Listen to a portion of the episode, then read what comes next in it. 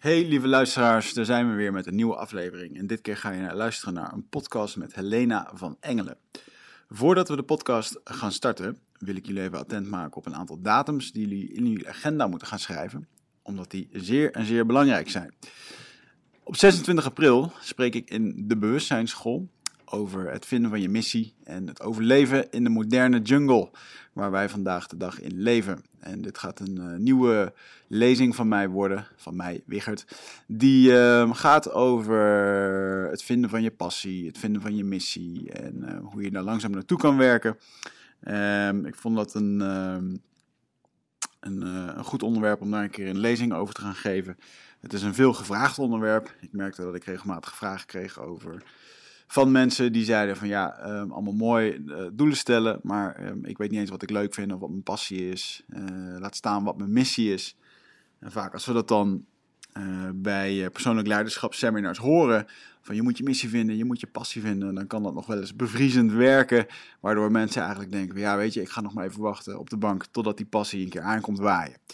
En ik kan je vertellen, dat werkt helaas niet zo. En ehm, als je wil weten hoe dat het wel werkt, dan uh, kan je naar de bewustzijnsschool komen op 26 april. Daar uh, kan je kaartjes kopen op de website, op de, de.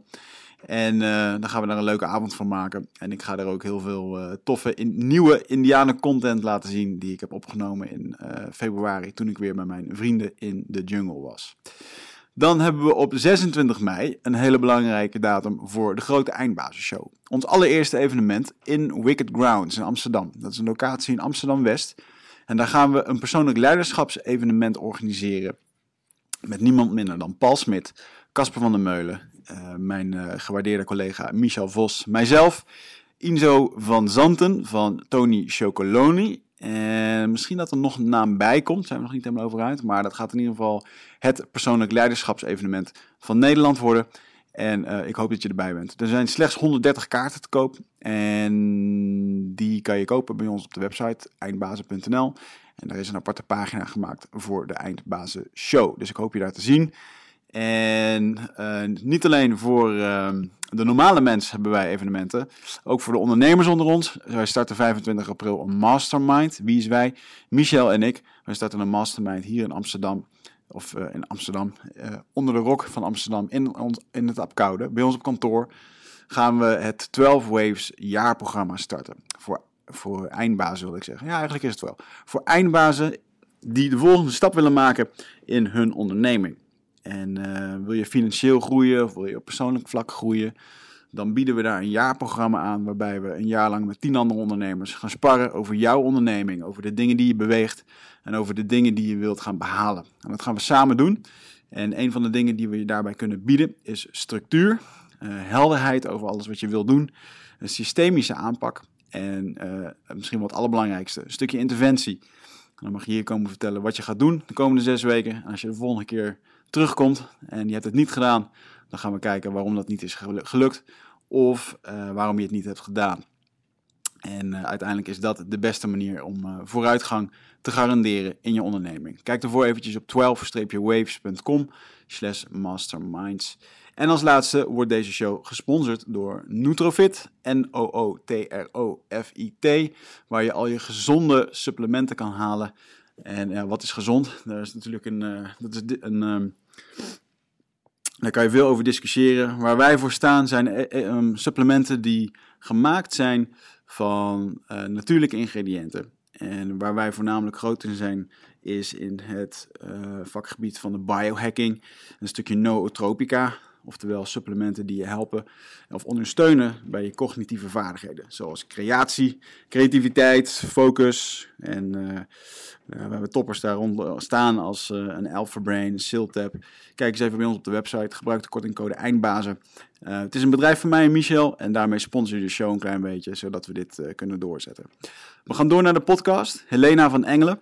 een echte engel, want deze dame die ging op de 51ste verjaardag Um, of op de 51 jaar, moet ik zeggen, uh, vertrok zij naar Peru.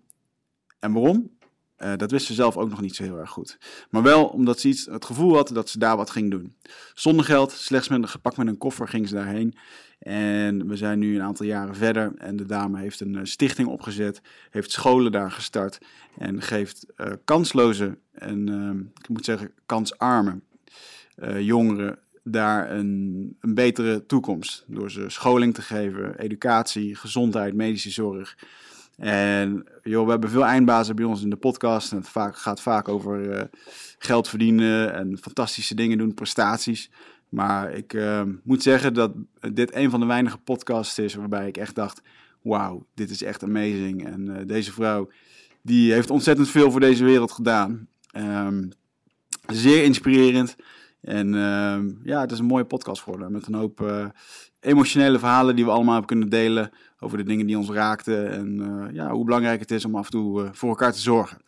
En dat je dat aan de andere kant van de wereld gaat doen, daar doe ik mijn petje voor af. Dus dames en heren, Helena van Engelen. Eindbazen wordt gesponsord door Nutrofit.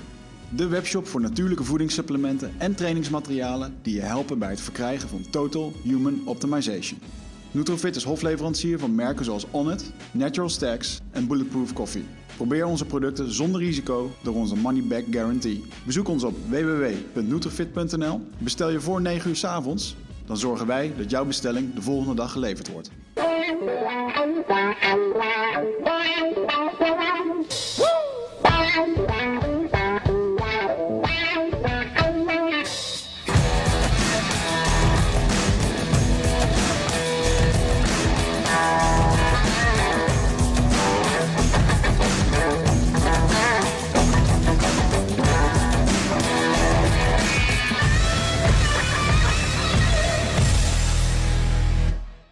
Vind ik wel, uh, um, wel bijzonder, want de gast van vandaag die heeft wel een, uh, een pad gekozen. Als je dan vaker mensen vraagt van uh, wat zou jij willen doen met de rest van je leven? Dan zeggen een hele hoop mensen, ja, ik zou zo graag de wereld willen verbeteren. Mm -hmm. Dat is zo'n abstract iets. En dan, wij zijn vaak bezig met het persoonlijk leiderschap. En dan is eigenlijk toch wel 9 van de 10 keer de boodschap van, joh, als je de wereld wil verbeteren, misschien moet je eerst even je eigen shit op orde krijgen, als we dat zo mogen zeggen. Want alleen op het moment dat je jezelf helpt, dan kan je de rest van de wereld helpen. Um, dan heb je nog zo'n dingetje van, ja, wat wil je dan veranderen in de wereld? Waar, waar moet je beginnen? Mensen denken dan vaak aan veel te grote projecten. Wat, ja, eigenlijk de projecten waar de gast van vandaag in onze studio mee bezig is. Dat zijn de projecten waar men dan aan denkt. Um, vandaag hebben we in de studio eh, Helena van Engelen. En uh, uh, jij hebt hele je hebt in Peru eh, scholen opgezet voor kinderen. Ja. Hele communities eigenlijk, als ik het zo... Nou, uh, hele communities, maar wel... Het is een, een community, Ja, het is een community, ja. En uh, uh, eigenlijk de afgelopen tien jaar ben je al op verschillende manieren bij mij langsgekomen. Dus nou, het kan ook gewoon geen toeval zijn dat je vandaag in de studio bent, denk ik. onlangs werd je ge, ge, gerept en geroemd door Hanna Kuppen auteur van Liefdesbang en Liefdesroep, die, die zei dat ze door jouw werk geïnspireerd was om een boek uh, Liefdesroep te schrijven, wat gaat over het vinden van je missie. En um, uh, ik zou eigenlijk heel graag eventjes aan jou, uh, geef jezelf eventjes een power pitch van twee minuten waarin jij jezelf presenteert. Wie ben je en wat doe je? Wauw, dat is geen makkelijke opgave, hè? Mm. En de tijd loopt nu. En de tijd loopt nu. En nog wel een power pitch. Twee, twee minuten, we hebben twee uur over. Dus take your time. Oké, okay, nou, ik, ik moet even, wil ik even iets zeggen. Ik heb nooit het gevoel gehad dat ik de wereld moet verbeteren. Want ik, uh, wie ben ik om de wereld te verbeteren? En ik vind het heel mooi dat jij meteen erbij zegt van... dan kom je ook bij jezelf op de eerste plaats uit. Ik denk ook dat ik uh, mijn, ik noem het altijd mijn zielenroep, gevolgd ben omdat ik zo met mezelf geconfronteerd werd op dat moment in mijn leven. Mm. En wist van, als ik opsta, dan uh, wil ik iets doen voor kinderen die het zwaar hebben. En dat iets, dat uh, wist ik eigenlijk wel. En dat ging eigenlijk een beetje groeien, maar daar zal ik dadelijk wel op terugkomen als je wilt. Mm. Dat dat uh, moest zijn om kinderen het recht te geven om kind te zijn. En om te kunnen spelen, te kunnen dromen, te kunnen leren, beschermd te worden. Gewoon echt kind zijn met alles wat erbij hoort. Ja. En uh, dat moest Peru zijn. Dat zat in mijn liefdesgroepje zat dat eh, besloten. En waarom? Dat kwam niet van hier, dat kwam gewoon van hier. Maar dat, en dat werd ook Peru. Ja. En volgens mij heb ik nu twee minuten mooi vol ge- gepraat, of niet? Ben je tevreden? Je hebt nog 20 seconden over. Maar, eh, ja.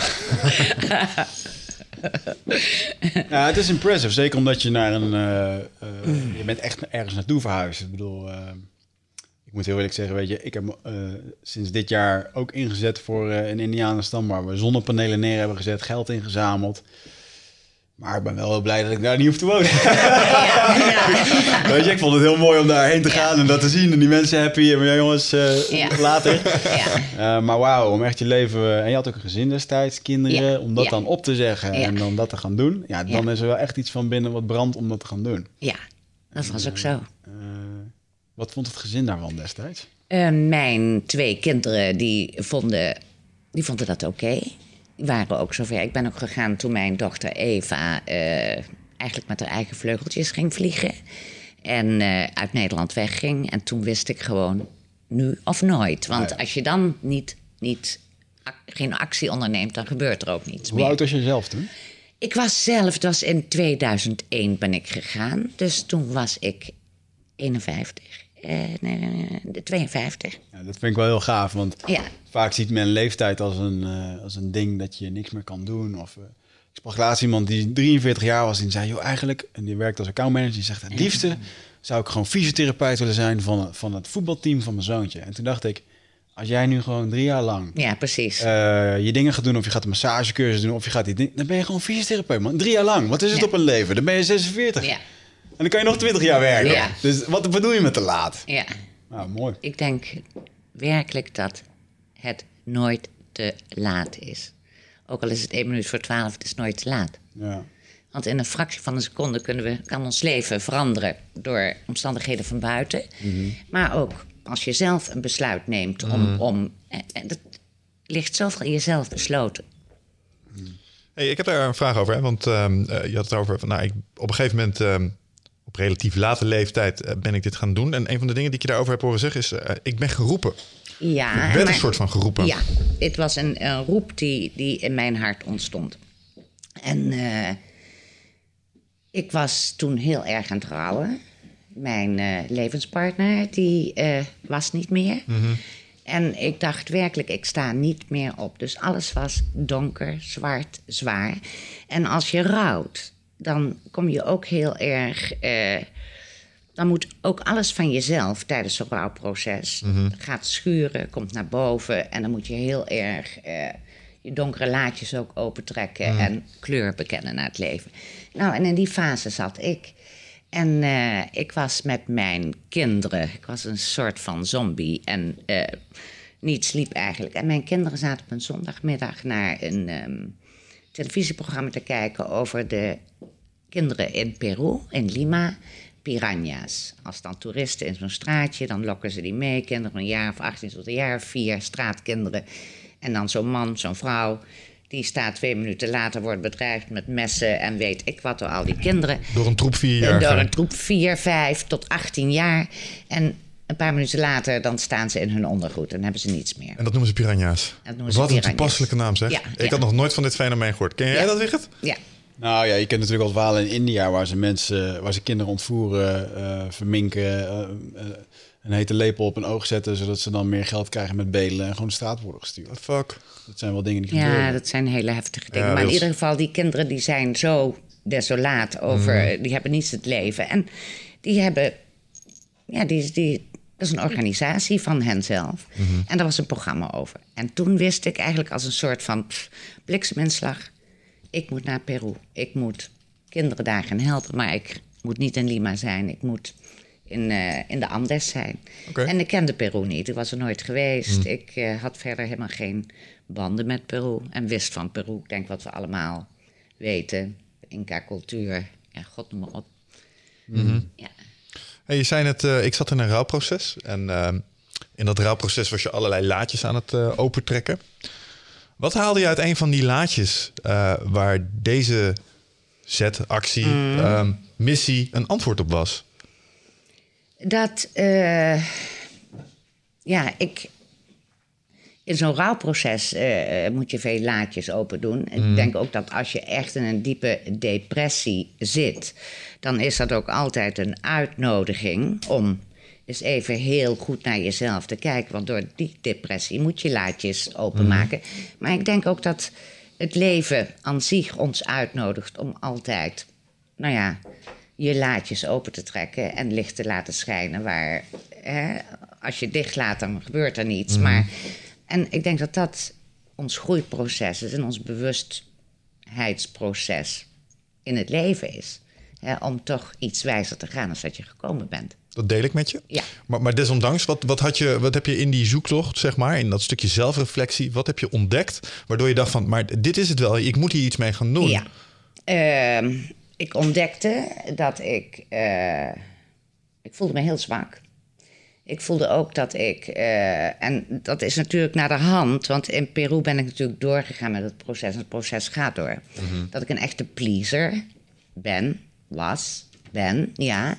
Eh, dat ik het heel erg moeilijk vind om nee te zeggen. Dat ik. eh, heel graag nodig ben. Noem maar op, al die dingetjes. Dus het stond ook wel eigenlijk wel een beetje op mijn lijf geschreven... Ja, dat ik met mijn lichtkantje, om dat donkere kantje te voeden... zoiets zou gaan doen.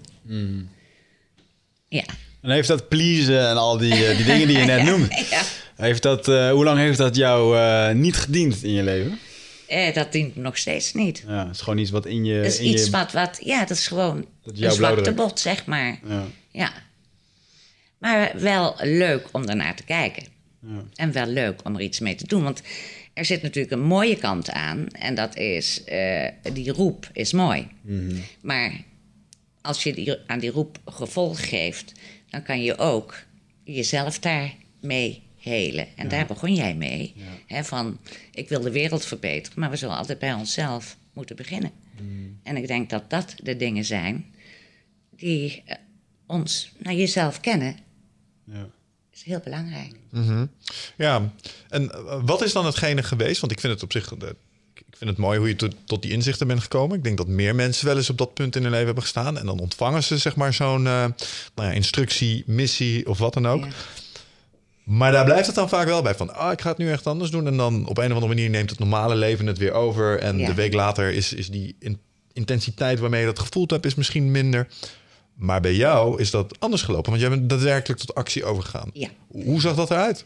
Hoe zag er dat uit? Dat heeft natuurlijk ook zijn tijd nodig gehad. Want mijn dochter die had me eerst nog nodig. Dus ik ben ook pas eh, een jaar mag, of- mag ik jou vragen om Ja. iets meer aan te schuiven? Zodat je, Ja. dan ook hebben we wat meer microfoon. eh, Ik had echt gedachten lezen. Ik zat net hetzelfde te denken. Ja, Ja, dan, eh, dan kan je gewoon lekker dan kan je naar achter heen kletsen, Ja, anders is de afstand niet genoeg. Daar krijgen wij Zo? stress van. Ja. Ja. Krijg je stress van mij? Oh, Nee, nou, wij zitten dan ondertussen, je zit mooie verhalen te vertellen en de luisteraars die zitten, ja, maar ik hoor niet. We horen Dus het dan- slechte, ja. Sorry. Ja, oké. Maar waar hebben we gebleven? We waren gebleven bij eh, jouw daadwerkelijke overstap en het feit dat je nog even... eh, nou, je had natuurlijk nog een dochter Ja. eh, waar je voor moest zorgen Dat, dat je het ging doen, dat je echt die missie Ja. ging doen. Dat, Ja, dat, is, dat, heeft, dat heeft mij ook wel in, in het voelen en het weten van, van dat wil ik gaan doen, dit is mijn missie. eh, heeft toch vier jaar tussen gezeten. Eh, en dan ben je in je.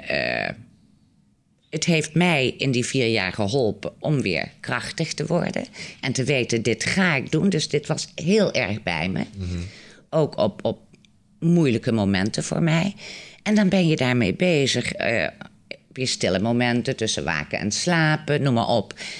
Had ik eigenlijk dat hele project al gebouwd en, en zoals het er vandaag de dag staat. Dus dat zijn wel leuke dingen. Dat is, dat is heel intens en dat is, eh, is heel inspirerend. Wat deed je eigenlijk tot je 51ste? Wat heb ik gedaan? Nou, ik, ik kom uit het onderwijs van origine. En eh, wel leuk. Ik denk ook dat het eh, leven je voorbereidt. Ik heb in, eh, in Spanje gewoond. Zijn, is mijn dochter ook geboren, Tenerife. Heel veel gebouwd daar. De taal geleerd, het Spaans. Was een arm eiland toen we daar kwamen. Dus ook al veel sociaal bezig geweest. Waar, waar woon je dan in Ibiza? In? Tenerife, in Ah, Los Gigantes. En het was in de jaren zeventig. En toen was het nog, dat is alweer lang geleden. Ah, hè? mooie locatie met al die kliffen ja, en dingen. Ja, ja, Geweldig. ja. En als je dan achteraf kijkt, dan bereidt het leven. Dus je wist van onderwijs, daar heeft het leven voor gezorgd. Je weet van bouwen, daar heeft het leven voor gezorgd. Je spreekt de taal. Wat krijg je eigenlijk mooie cadeautjes mee in het leven Ja. om iets te gaan doen? Ja. Ja, veel mensen zijn altijd aan het zoeken ehm, voor die missie van ja, ik weet niet wat het is en zitten maar te wachten of die gaan dan weer naar een cursus. Ik wil zo graag mijn missie ontvangen. ja. Maar het is zo lastig. Die, die, je krijgt dat niet gevonden in een cursus. Er zijn misschien sommige uitzonderingen daar, want het, is, het draagt bij aan die filter die steeds kleiner wordt. Waarbij je steeds meer denkt van nou, dit wil ik niet. En op een gegeven moment komt het punt, dit is het. En dan gaat het balletje in één keer rollen. ja. En eh, eh, grappig dat in, eh, in mijn tijd in de jungle had ik ook een mooie visie over het vinden van je missie. Dat ik denk dat voor een hele hoop mensen is de zoektocht naar het vinden van die missie ook de missie van hun leven. En dat je het dan nooit vindt, daar zul je dan achteraf in mijn optiek achterkomen dat dat voor dit leven misschien wel de missie was. Dat je altijd die zoektocht hebt. Want Ja. dit, dat is zo'n uitdaging voor mensen om... eh, iedereen wil zich, wil zich nuttig voelen in deze wereld. Wat ik ook wel mooi vind aan jouw verhaal is dat je ehm, de eerste delen van je, eh, van je leven, zeg maar, die onderdelen die daar, zoals onderwijs en het bouwen, eigenlijk als een soort randvoorwaarde hebt beschouwd voor wat je nu uiteindelijk moest gaan doen. Achteraf gezien. Hè? Ja, achteraf gezien Ja. in retrospect. Ja. Eh, Dat vraag ik me dan altijd af. Is dat gewoon bij mensen die dan denken van... oh ja, dat is wel handig dat dat zo gebeurd is... dus daar zal wel een soort eh, patroon in zitten? Of denk je dat dat toeval is geweest? Of heb je stiekem toch wel een idee dat dit een klein beetje de bedoeling was voor jouw leven? Ja, ik denk, ik geloof niet in toeval. Nee, oké. dit, is, Nee. eh, dit is een stukje lotsbestemming bijna. Eh, ja, en lotsbestemming, daar heb je natuurlijk zelf, daar kun je zelf over beslissen. Oké, hè? ja. want, want ik geloof niet van dat is jouw lotsbestemming, dus daar ga je. Want je hebt je Ah, eigen wil daar nog altijd ja, ja. in. Maar ik denk wel dat het mooi is om ehm, de taal van je ziel te verstaan. Hmm. En ik denk dat die ons echt naar huis brengt. Dus Ja. dat, je, dat je dan in je vervulling komt. Kun je daar eens iets meer over vertellen? Over de taal van je ziel. De taal van je ziel. Eh, Is dat je intuïtie? ja, dat, en dat is je intuïtie. dat is je weten, je gevoel, je... eh, eh, ja, hoe kan ik het het beste zeggen? Wij krijgen... We hebben een weten. Dat brengen we mee. En eh, dat weten is heel oud. En daar is heel veel stof overheen gekomen. Zoveel stof dat we het weten, daar kunnen we eigenlijk niet meer zo goed bij. Maar soms dan is het alsof er een windje blaast en dan gaat dat laagje eraf en dan kun je er heel even bij komen. Ja, En dan weet je. En dat weten, dat is altijd waar. Ik, heb, ik, heb dat, ik, ik herken helemaal wat je bedoelt. Ja. En de reden dat ik er even in ga, ik probeer daar de laatste tijd meer op te sturen. Mensen die naar de podcast luisteren, die weten, ik zit heel erg in mijn hoofd. Ik ben super Ja. rationeel. Maar iets wat ik het laatste half jaar meer ben gaan doen, is iets meer luisteren naar iets. En jij noemt dat een laadje met stof. Ik noem dat als, er zit een soort oude, wijze Michel in mijn hoofd. Ja. Zo af en toe. Ja. En die komt dan even uit schaduw. Een soort tik, tik, tik. uh, Ja. uh, die kant op. Ja. Weet het donders goed. Ja. Die weet het donders goed, ja, precies. Ja, precies. En, en die manifesteert zich niet, in, eh, niet zozeer in woorden, maar Nee. in, in een gevoel in Ja. je buik of soms Ja. in je hart of Ja. een bepaald ja. Ja. En sinds ik daarop ben gaan sturen, merk ik dat sommige dingen gewoon aanzienlijk soepeler gaan. Ja. Eh, makkelijker. Omdat ik gewoon die rationalisaties die ik in mijn hoofd zit, zijn vaak angsten. En, Ja. en dan probeer je dan verstandelijk iets tegen in stelling te brengen. En het houdt je weg bij wat er eigenlijk gebeuren moet. Maar dat in je onderbuik weet je het wel. En, en sinds ik dat gewoon ben gaan doen, vandaar dat ik ze dat, ja, taal van de dacht, ja, dat is een mooi woord Ja, dat daarvoor. is voor mooi, dat fenomeen, ja. Ja, maar als jij zo rationeel bent, dan weet je ook dat als je alleen dit stukje gebruikt, je maar een heel klein stukje gebruikt. Ja, en als jij die onderbuik er nog bij neemt, moet je kijken waar je dan over, over, over beschikt. Klopt. En eh, dat, eh, nou ja, dat, eh, dat is een pad, maar daar begin ik me in te ontwikkelen langzaam maar zeker. Mooi. Ja. Ik denk dat het ook voor heel veel mensen... eh, je wordt er niet mee opgeleid. Je wordt niet opgeleid Nee. om te luisteren naar je gevoel. En eh, je, je mag niet huilen. En je moet zus. En eh, je kan dit niet. En eh, wie ben jij nou om te ondernemen? En eh, daarmee ben je 18 en dan moet je het gaan doen in de echte wereld. En dan eh, eigenlijk word je de wereld ingestuurd. En niet sterk gemaakt, maar meer eerder slap gemaakt. Het is, ik las laatst een... eh, volgens mij was dat Jordan Peterson of een andere psycholoog die zei... de grote focus die je moet hebben is om dingen te onleren in plaats van dingen Ja. te leren. Ja, En eh, ehm, ik denk dat het ook wel per persoon verschillend is over wat jij bijvoorbeeld zei, hoe jij bij je gevoel komt en wat er bij jou eh, spreekt in je hoofd. Ik denk dat Mhm. dat per persoon ook wel verschillend is over hoe je dat ervaart. Dus wat voor de een werkt, hoeft niet voor de ander te werken. Nee. En dat is wel de zoektocht die, eh, die je Ja. met jezelf moet aangaan. Nou, en ik kan daar ook nog wel verstandelijk een heel eind in, eh, in meegaan hè, in het fenomeen. Ik heb ooit een keer een boekje gelezen, Blink. En dat vertelt over de kracht van eerste indrukken. Dat jij als mens zoveel informatie kan opnemen. eh, Maar je hoofd staat het niet toe. Want het is niet praktisch als je in het verkeer zit als, en alles komt binnen. Maar zo heel af en toe krijg je van die pop. En dat manifesteert zich niet als een rationele gedachte. Dat is gewoon een soort gevoel dat je erbij hebt. Maar, die gevoelens worden heel vaak genegeerd tegenwoordig. Omdat we allemaal zo verstandelijk zijn. Maar er, is zoveel informatie uit aan. Net zoals je iemand leert kennen. Soms krijg je gewoon een nee. Of een ja. Ja. Eh, en en dat, dat komt uit een heleboel dingen die je haalt uit lichaamstaal, ogen, stem, Ja. geur zelfs, weet je wel, eh, context. En eh, dat is echt een, eh, dat is een ding. En in, in Moeder Natuur heeft ons dat echt heel goed gediend. Dat als jij bijvoorbeeld een open plek in het bos kwam inlopen. Je zag die ogen misschien niet echt daar links, maar je onbewustzijn Ja. zag het wel even een fractie. ja. Ik word Ja, bekeken ja. daar, Ja, weet je wel. Ja, je, voelt het. Je dat voelt is het, je dat weet het. Ja. En dat is altijd eh, als mensen ook. ehm, mijn vriendin die heeft daar wel een mooie eh, oefening voor. Ehm, zij noemt dat in spirituele tel. Maar eh, sommige mensen zeggen mijn energie. Ik heb weinig energie. En dat kan zijn dat je energie eh, lekt. Ja, Hè, dat, noem het aura, energieveld om je heen. En dan kun je heel makkelijk testen door iemand van eh, met je ogen dicht, iemand voor je naar je toe te laten lopen. En aan te voelen wanneer die, die persoon mag zeggen wanneer die voelt dat hij in jouw veld staat. En dan vaak zie je een verschil tussen de voorkant en de achterkant. Dus de voorkant weet je het prima aan te geven, maar de achterkant geen idee. Dat betekent dat iedereen die achter dichtbij is. Je voelt, stel als je bij de koffieautomaat staat op je werk en er staat iemand achter je het op te drinken, dan voel je dat. Ja. Dat zo praktisch is het. Even om het helemaal niet spiritueel te plakken. ja, weet je ja, ja, ja. En eh, om, om daar bewust van te worden. En dan was ik eigenlijk wel benieuwd. eh, dat, dat soort dingen. Je bent dan nu naar Peru gegaan. Daar leven mensen over het algemeen dichter bij de natuur. Eh, niet, niet in Lima per se, denk ik. Nee, Maar wel. maar wel Heb waar je, ik heb je het gevoel ja. dat die mensen eh, daardoor anders in het leven staan? Ja, maar niet alleen daardoor. Ze staan inderdaad dichter bij de natuur. Maar velen ook niet meer.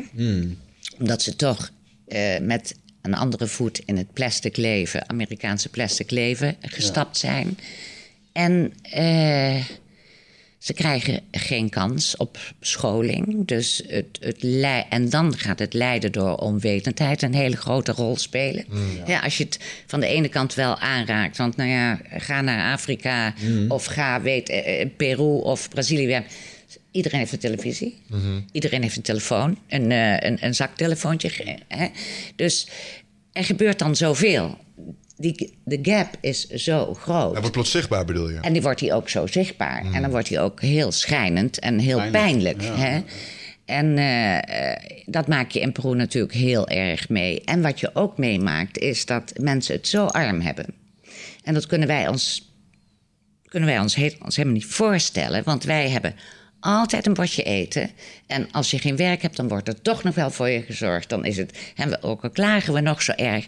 Maar daar is niets. En daar weten mensen vaak niet wat ze smiddags hun kinderen te eten moeten geven. Dus dat over, die overlevingsdrang, die komt dan zo naar boven. En wat doet die drang om te overleven? Die, die doet liegen, die doet bedriegen, die doet ja, moorden, eh crimineel. Noem, noem alles maar op. Dus daar wordt iets heel anders in werking gesteld. En ik denk dat dat ook wel een van de lessen was die Peru mij geleerd heeft. Want eh, je gaat natuurlijk altijd met je koffertje idealisme. Dat zat ik te denken. Toch op pad. Nou, ik zou je zeggen, dat hebben ze mij daar wel afgeleerd. En dan krijg je echt bloos te verwerken. Je denkt, even wachten. En daar zijn wij hier zo goed in. Van, nou ja, spiritueel is het toch. En eh, ik, eh, wie goed doet, goed ontmoet. Of weet ik wat. En dat verwacht je niet. Maar hè, dat is het antwoord. Hè, van iets goeds geeft iets goeds, iets negatiefs. Iets, nou. En dat je dan denkt, ik snap dit niet. Maar wij zijn in de... Ja, we hebben echt een, een, een luxe positie. Want wij zijn niet meer aan het overleven. Dus wij kunnen weer... Hè, ons, ons buikje is gevuld. Dus wij hebben de luxe positie om te weer naar spiritualiteit te kunnen gaan. Expanderen. Ja, ja, echt waar. En daar dus niet. Dus daar zijn hele andere eh, wetten, ja. En dat bedoel ik niet wetten van, maar echt levenswetten. Wat me wel opvalt is dat het er niet voor gezorgd heeft dat je in ieder geval cynisch of nihilistisch bent geworden. Nee, maar dat is ook, denk ik, het mooie dat je daarvan leert. Het doet pijn in het begin. Dan moet je slikken. En dan denk je, oh, dit kan niet waar zijn. En, en, en noem maar op. En dan ga je het begrijpen. Kan je een voorbeeld noemen wat daar gebeurde waarvan je dacht, hoe kan dit? Och, er, is, er is zoveel. Eh, je, je, je bent bezig voor, voor, de, voor de kinderen hè, van al die mensen daar. Eh, en dan word je achter je rug bestolen. Hè? Nou, het zijn kleine dingen. Eh, je bent bezig voor al die kindertjes en eh, je krijgt gewapende overvallen. Hè? Van, waarvan je weet dat het weer komt van de families, of noem maar op, Ja. van de kinderen waar je voor werkt en waar je je voor inzet. Dus er zijn zo, ja, heel bizar. Maar je leert er wel van. En ik begrijp het ook nog eens een keer. Ja. Want, want wij zeggen dingen met zulke gezonde benen. Ja, die, die mensen Ja. doen dat ook met het bewustzijn en het, eh,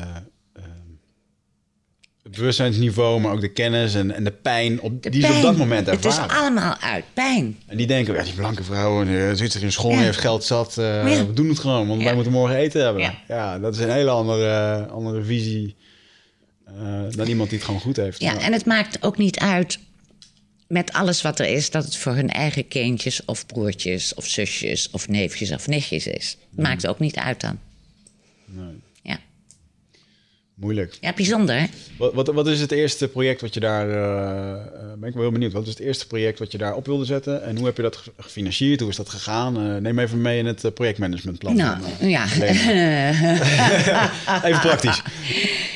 En nou, het eerste, ja, god, het project is eigenlijk, ik ben begonnen. Ik heb huis en haard hier verkocht. En van dat geld ben ik begonnen. Ik had geen achterban. Eh, mijn zoon en mijn schoondochter vanuit hun keukentafel. Ik heb vier broers en wij zijn nogal een echt hecht Brabants familietje. Dus iedereen schreeuwde moord en brand eh, dat ik eh, naar Peru wilde gaan. En van, dat kan je niet maken. En ga maar bridgen en golven. En je kent het wel, ja. Nee, dat is al helemaal niets voor mij. Ja. En ja, dus daar was niets. Dus de eerste drie jaar, eh, ik ben gaan bouwen met een, een 75 werkeloze mannen. Daarvan was dat bouwen zo lekker, wat ik eh, heel graag doe en veel gedaan heb. En eh, ja, eigenlijk de opzet. Omdat hij al vier jaar hier gerijpt was, van hier naar hier. eh, die was er. Dus dan kun je ook aan de slag. En waar kun je mensen mee helpen? Alleen maar door ze onderwijs te geven. Ja. En goede gezondheidszorg. Want dan kunnen ze ook beklijvend een opstap maken. ja, vis geven of leren vissen. Precies, dat Ja, is het. ja. En dat leren vissen, dat, dat, dat zaagt hout. Maar eh, die vis geven niet. Nee, dat denk ik ook. Oké, en toen kwam je daar en toen ben, wat ben je gaan bouwen in eerste instantie? Alles, meteen. Eh, eh, een familiehuis, een groot dagcentrum Ja, ja, waar de check. praktijk... Dus de hele mikmak werd aangepakt. Ja. Eh, de, gewoon even puur, dat vind ik dan weer interessant. Wat, wat lag er al aan infrastructuur? Niets. Er stond een oud, een oud schuurtje en een oud huisje. Oké. En 2,5 hectare. Geen waterleidingen, geen Niets, stroom, helemaal niets, niks. Niets, Dat is niets. echt onvoorstelbaar. Ja. Ja. Ik kan me daar Maar echt weet niks je, voorstellen. maar dat is ook zo leuk. Eh, want toevallig kon ik dat. Dus dat, dat, dat was voor mij niet moeilijk. En dat vind ik een hele leuke uitdaging. En dat is ook nog eens een keer heel inspirerend om te doen. En een hobby en, en, en creëren. En, Maar en- voor de goede orde, jij weet dus hoe je een huis in elkaar moet zetten. Je weet hoe je een fundament legt, je weet hoe je daar... ja, en die ik mannen dat niet... weten dat ook fantastisch. Hè? Want die, die Inca's en stenen, hè? dat weet je toch Ja, ja, die hè? hebben een paar ik- neergezet die er nog staan vroeger. Ja, zeker. Dus het was ook, het is ook een, een, een, een terrein met... Er is een avalanche geweest, dus alleen maar grote rotsblokken. En die rotsblokken die hielpen natuurlijk verschrikkelijk goed... om weer prachtige fundamenten te Oh, maken. je dacht, hier kunnen we iets van maken. Ja, ja, ja. ja, ja. Zou jij een huis kunnen bouwen, Wichert? Als je nu gewoon in het bos werd gezet, zeg van... Hier, maak eens een onderkomen voor de komende twee jaar. Ik heb dat bij de Indianenstam wel gezien, hoe dat die mannen in een dag een hut in elkaar zetten. Dus dat weet jij nu. Ehm, maar nee, ik weet niet. Nee, ik zou dat niet zelf kunnen. Daar zit wel, eh, dan moet je, je moet wel planken uit een boom Ja. kunnen zagen en zo. En het is niet normaal. Ja. Hoe, ik dacht op een gegeven moment, de eerste keer dat ik dacht, dacht ik... Hebben zij gewoon een groothandel in hout hier of zo? Waar ze dan die planken vandaan halen? Ik kon, er- ik kon er niet bij komen. Verderop, weet je wel. En, doen ze dat, en ik zag ze met die kleine bootjes. Gingen met hun kano van drie van die Ik denk, hoe doen ze dit toch, joh? Ja, joh, die zagen ze gewoon letterlijk uit, uit gewoon een regenwoudboom, weet je wel? Ja. Wordt het gedaan. Ja. En ehm, eh, de grote vraag, grappig dat je... ehm, dus ik heb het dan het stamhoofd hierheen gehaald... en die was ernstig onder indruk hoe wij in Nederland huizen bouwen. Dus zijn vraag was nu aan mij van... luister, eh, wij willen ook gewoon graag meer comfort. En hij, hij zei gewoon, ik vind jullie huizen, het is gewoon, het is Ja. gewoon state of the art. Ik Ja. wil ook zulke huizen. Ja. Dus ehm, nu een van de volgende projecten waar ik me mee bezig houden... is om die mensen te leren eh, hoe je een houten huisconstructie kan bouwen... volgens eh Nederlands slash Europese standaard. Want dat gaat gewoon langer mee. En zij snappen ook al dat dat... eh, Zou het mogelijk zijn om daar iets te doen met die 3D-printprojecten die je tegenwoordig hebt? Dan ze- zetten ze zo een heel huis, printen ze zo in een paar Ja. uur Ja, uit. maar het wil wel, het moet natuurlijk wel. Kijk, het, het, het bos, zoals zij dat noemen, voorziet van alles. Dus hout en Ja, het is beter om het met de lokale dingen hout te en klei genoeg. Het moet eh, sustainable zijn en ze moeten het zelf kunnen maken. Ja. Dus we kunnen ze beter. Dan gaat het over. We gaan ze leren vissen. We gaan Ja. leren hoe ze dat moeten Ja. doen. Houten huizen bouwen zijn Amerika, Amerikanen natuurlijk heel erg goed in, hè? En er is toch zo'n zo'n zo'n zo'n eh, Ja. zo'n Ja, architect zeker, in. Londen geweest. Die heeft toch ook zo'n heel project eh, eh, ge- gedaan met eh, die huizen. Is dat niet de Green, de Re- Ja, green School ja, in Bali? Ja, nee, nee. Het was een, eh, een Londense architect. Ga ik eens opzoeken. Ja, heel, heel mooi ook. En mensen die zelf hun huizen gebouwd hebben. Ja. Mensen dus met hele lage inkomen zelf die huizen helemaal van hout gebouwd. Oh, wauw. Trouwens, ik bedenk me net, waarom de Amerikanen? Er zit hier een expert, dus... Ja, zeker. Nee, wacht even, even wacht. Hè. Ik, ik, ik, ik denk dat ik eens even een heleboel terug... Ik, ik, ik, ik kan het ook niet zelf. Hè. Ik weet, ik, ik kan het tekenen, ik weet Ja, hoe maar het gaat... maar ik, ik kan echt niet... eh ik nee, ben dit- geen tegelzetter gaat of zo, over hoor. Of, eh, constructie. ja, precies. We wouden je net een hamer geven en nee, zeggen, ga maar aan nee, het werk. nee, nee, nee, nee, nee, nee. En dit gaat meer over inderdaad eh Ja. eh, constructie, technisch, eh, technisch verhaal.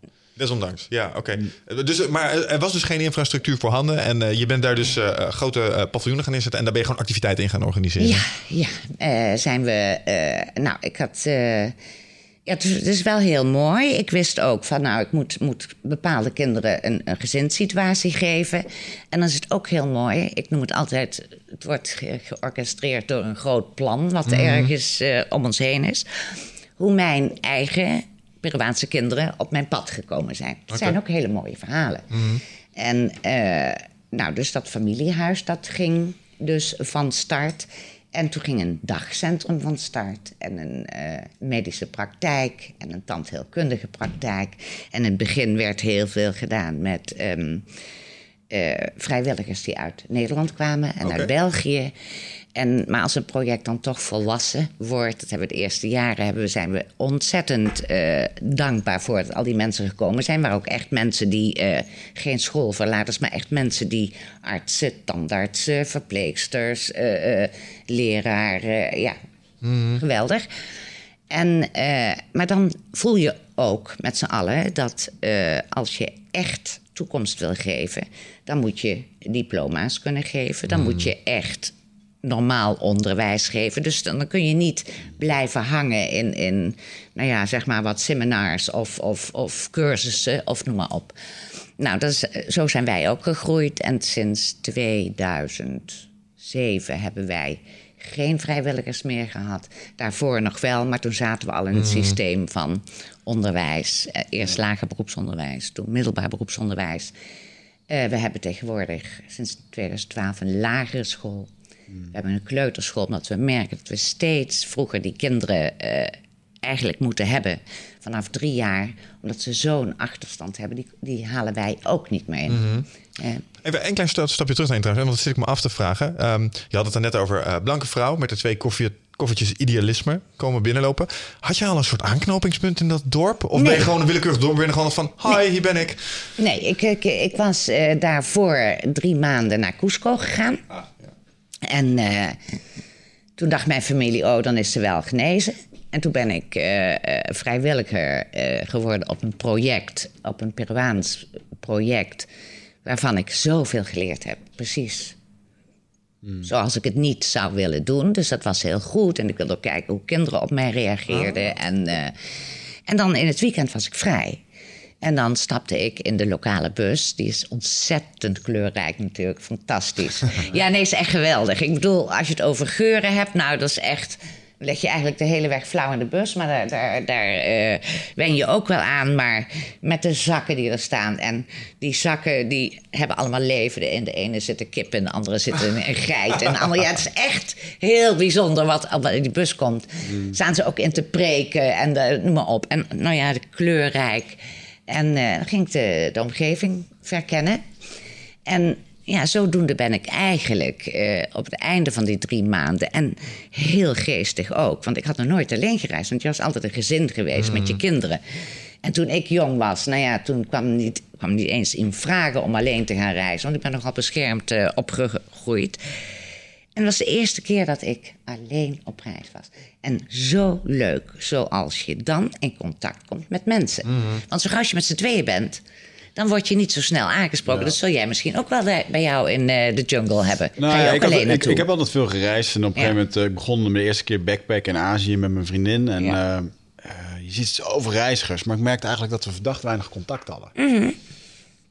En ehm, ja, elke jongen die mijn vriendin zag lopen, die dacht, oh, die heeft een vriend, dus daar ga ik niet mee praten. Ja, precies. Ja, maar zo werkt het gewoon. Er zijn een stelletje, die laten gewoon met rust. En, en, op een gegeven moment, toen ben ik alleen naar, uh, die relatie ging over, toen ben ik uiteindelijk in Australië gaan studeren in mijn eentje. Ja, en dan ben je in je eentje en in één keer, joh, ik maak een vrienden en contact.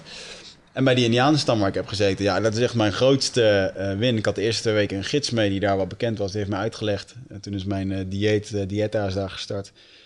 En ja, toen heb ik daar uh, zes weken gezeten. En, het, en ik weet nog dat ik daar zat. Toen werd mijn dieet beëindigd.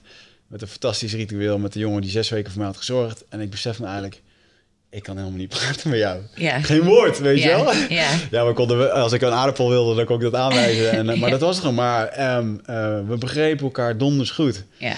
En dat is ook een hele mooie scène die ik in mijn boek beschrijf. Waar we een, een ayahuasca-ceremonie hebben in in het bos mooi met de sterrenhemel en allemaal indianentooien. En uh, ik was dan zo van het overgeven aan het doen. Ik, moest ik weer een kop ayahuasca halen en ik ging oh. terug langs me op mijn boomstam zitten. Ja. En ik kijk naar die gast uh, rechts van me, gewoon een indiaan, en die kijkt me aan. En die knikt echt zo van... En het was zo'n gevoel van... Um, je, je, begrijpt elkaar op een hartsniveau. Ja. En dan heeft het helemaal niet te maken dat je elkaar kan spreken of dat je elkaar begrijpt. En dat is zo ontzettend bijzonder. En ja. dat, is, dat is wel echt wat echt de mens bindt. Mm. Daar heb ik veel van mogen leren, ja. Dus, uh... Oh ja. Heb je je boek al uitgebracht? Is dat klaar? Uh, ja, laten we het daar nog eens over hebben. nee, ik heb daar tijdens mijn dieet kreeg ik de opdracht van uh, de plant waar mijn, mijn dieet om een boek te schrijven. Ja, ja. Dus dat heb ik gedaan. Um, en ik uh, dacht, nou, dat, dat, gaan we zo publiceren. Maar ik heb nu besloten dat ik er een, een... Het is een waar gebeurd verhaal wat ik wil dat als een roman wegleest. Ja. Dus ik, ben, uh, ik heb wat pogingen gedaan. Ik heb dat naar mensen gestuurd die daar uh, schijnbaar verstand van hebben. En ik heb nu besloten dat ik een schrijverscursus, daar ga ik volgende week mee beginnen, op de schrijversvakschool. Um, om, ja, daar zit toch een strategie achter om een goed boek te schrijven.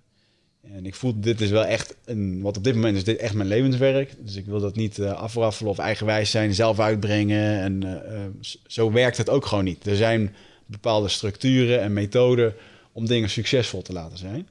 En dit voelt voor mij heel erg goed om daar dan wat meer tijd aan te besteden. En, uh, dus ja, ik ga het zeker uitbrengen. Ik zal je een kopie sturen bij oh, deze leuk, leuk, als, leuk. Het, als het zover maar is. kan je met, uh, met Ben, uh, die kan jou er ook nog wel het een en ander over vertellen. Ja? Want die heeft het zeer succesvol uitgebracht. Oh, ja. De luisteraars, Ben zit hier links van ons. Ben is mijn man. Dus ja. die, die zit toe te kijken hoe hij dit doet. Maar, uh, maar nee, dus, dus, ja, het is een onwijs mooie reis. En, uh, maar uh, heel moeilijk om, om dit soort dingen die we nu hier met kleurrijk en met gevoel kunnen praten, om dat over te brengen in een boek. Dus dat is wel een karwei. en het gaat natuurlijk over mijn persoonlijke gevoelens en dingen. Dat is lastig om dat op papier te schrijven. Ja. Laatst zei iemand mooi, toen hadden we het over liefde. En die zei toen heel mooi, liefde, daar worden heel veel boeken over geschreven, maar geen niemand kan liefde beschrijven. Nee. Exact in woorden. Ja. Weet je? Daar zijn, hele, ja. er zijn boeken over geschreven, filosofen over gevallen. En dat maakt het heel erg complex. Ja.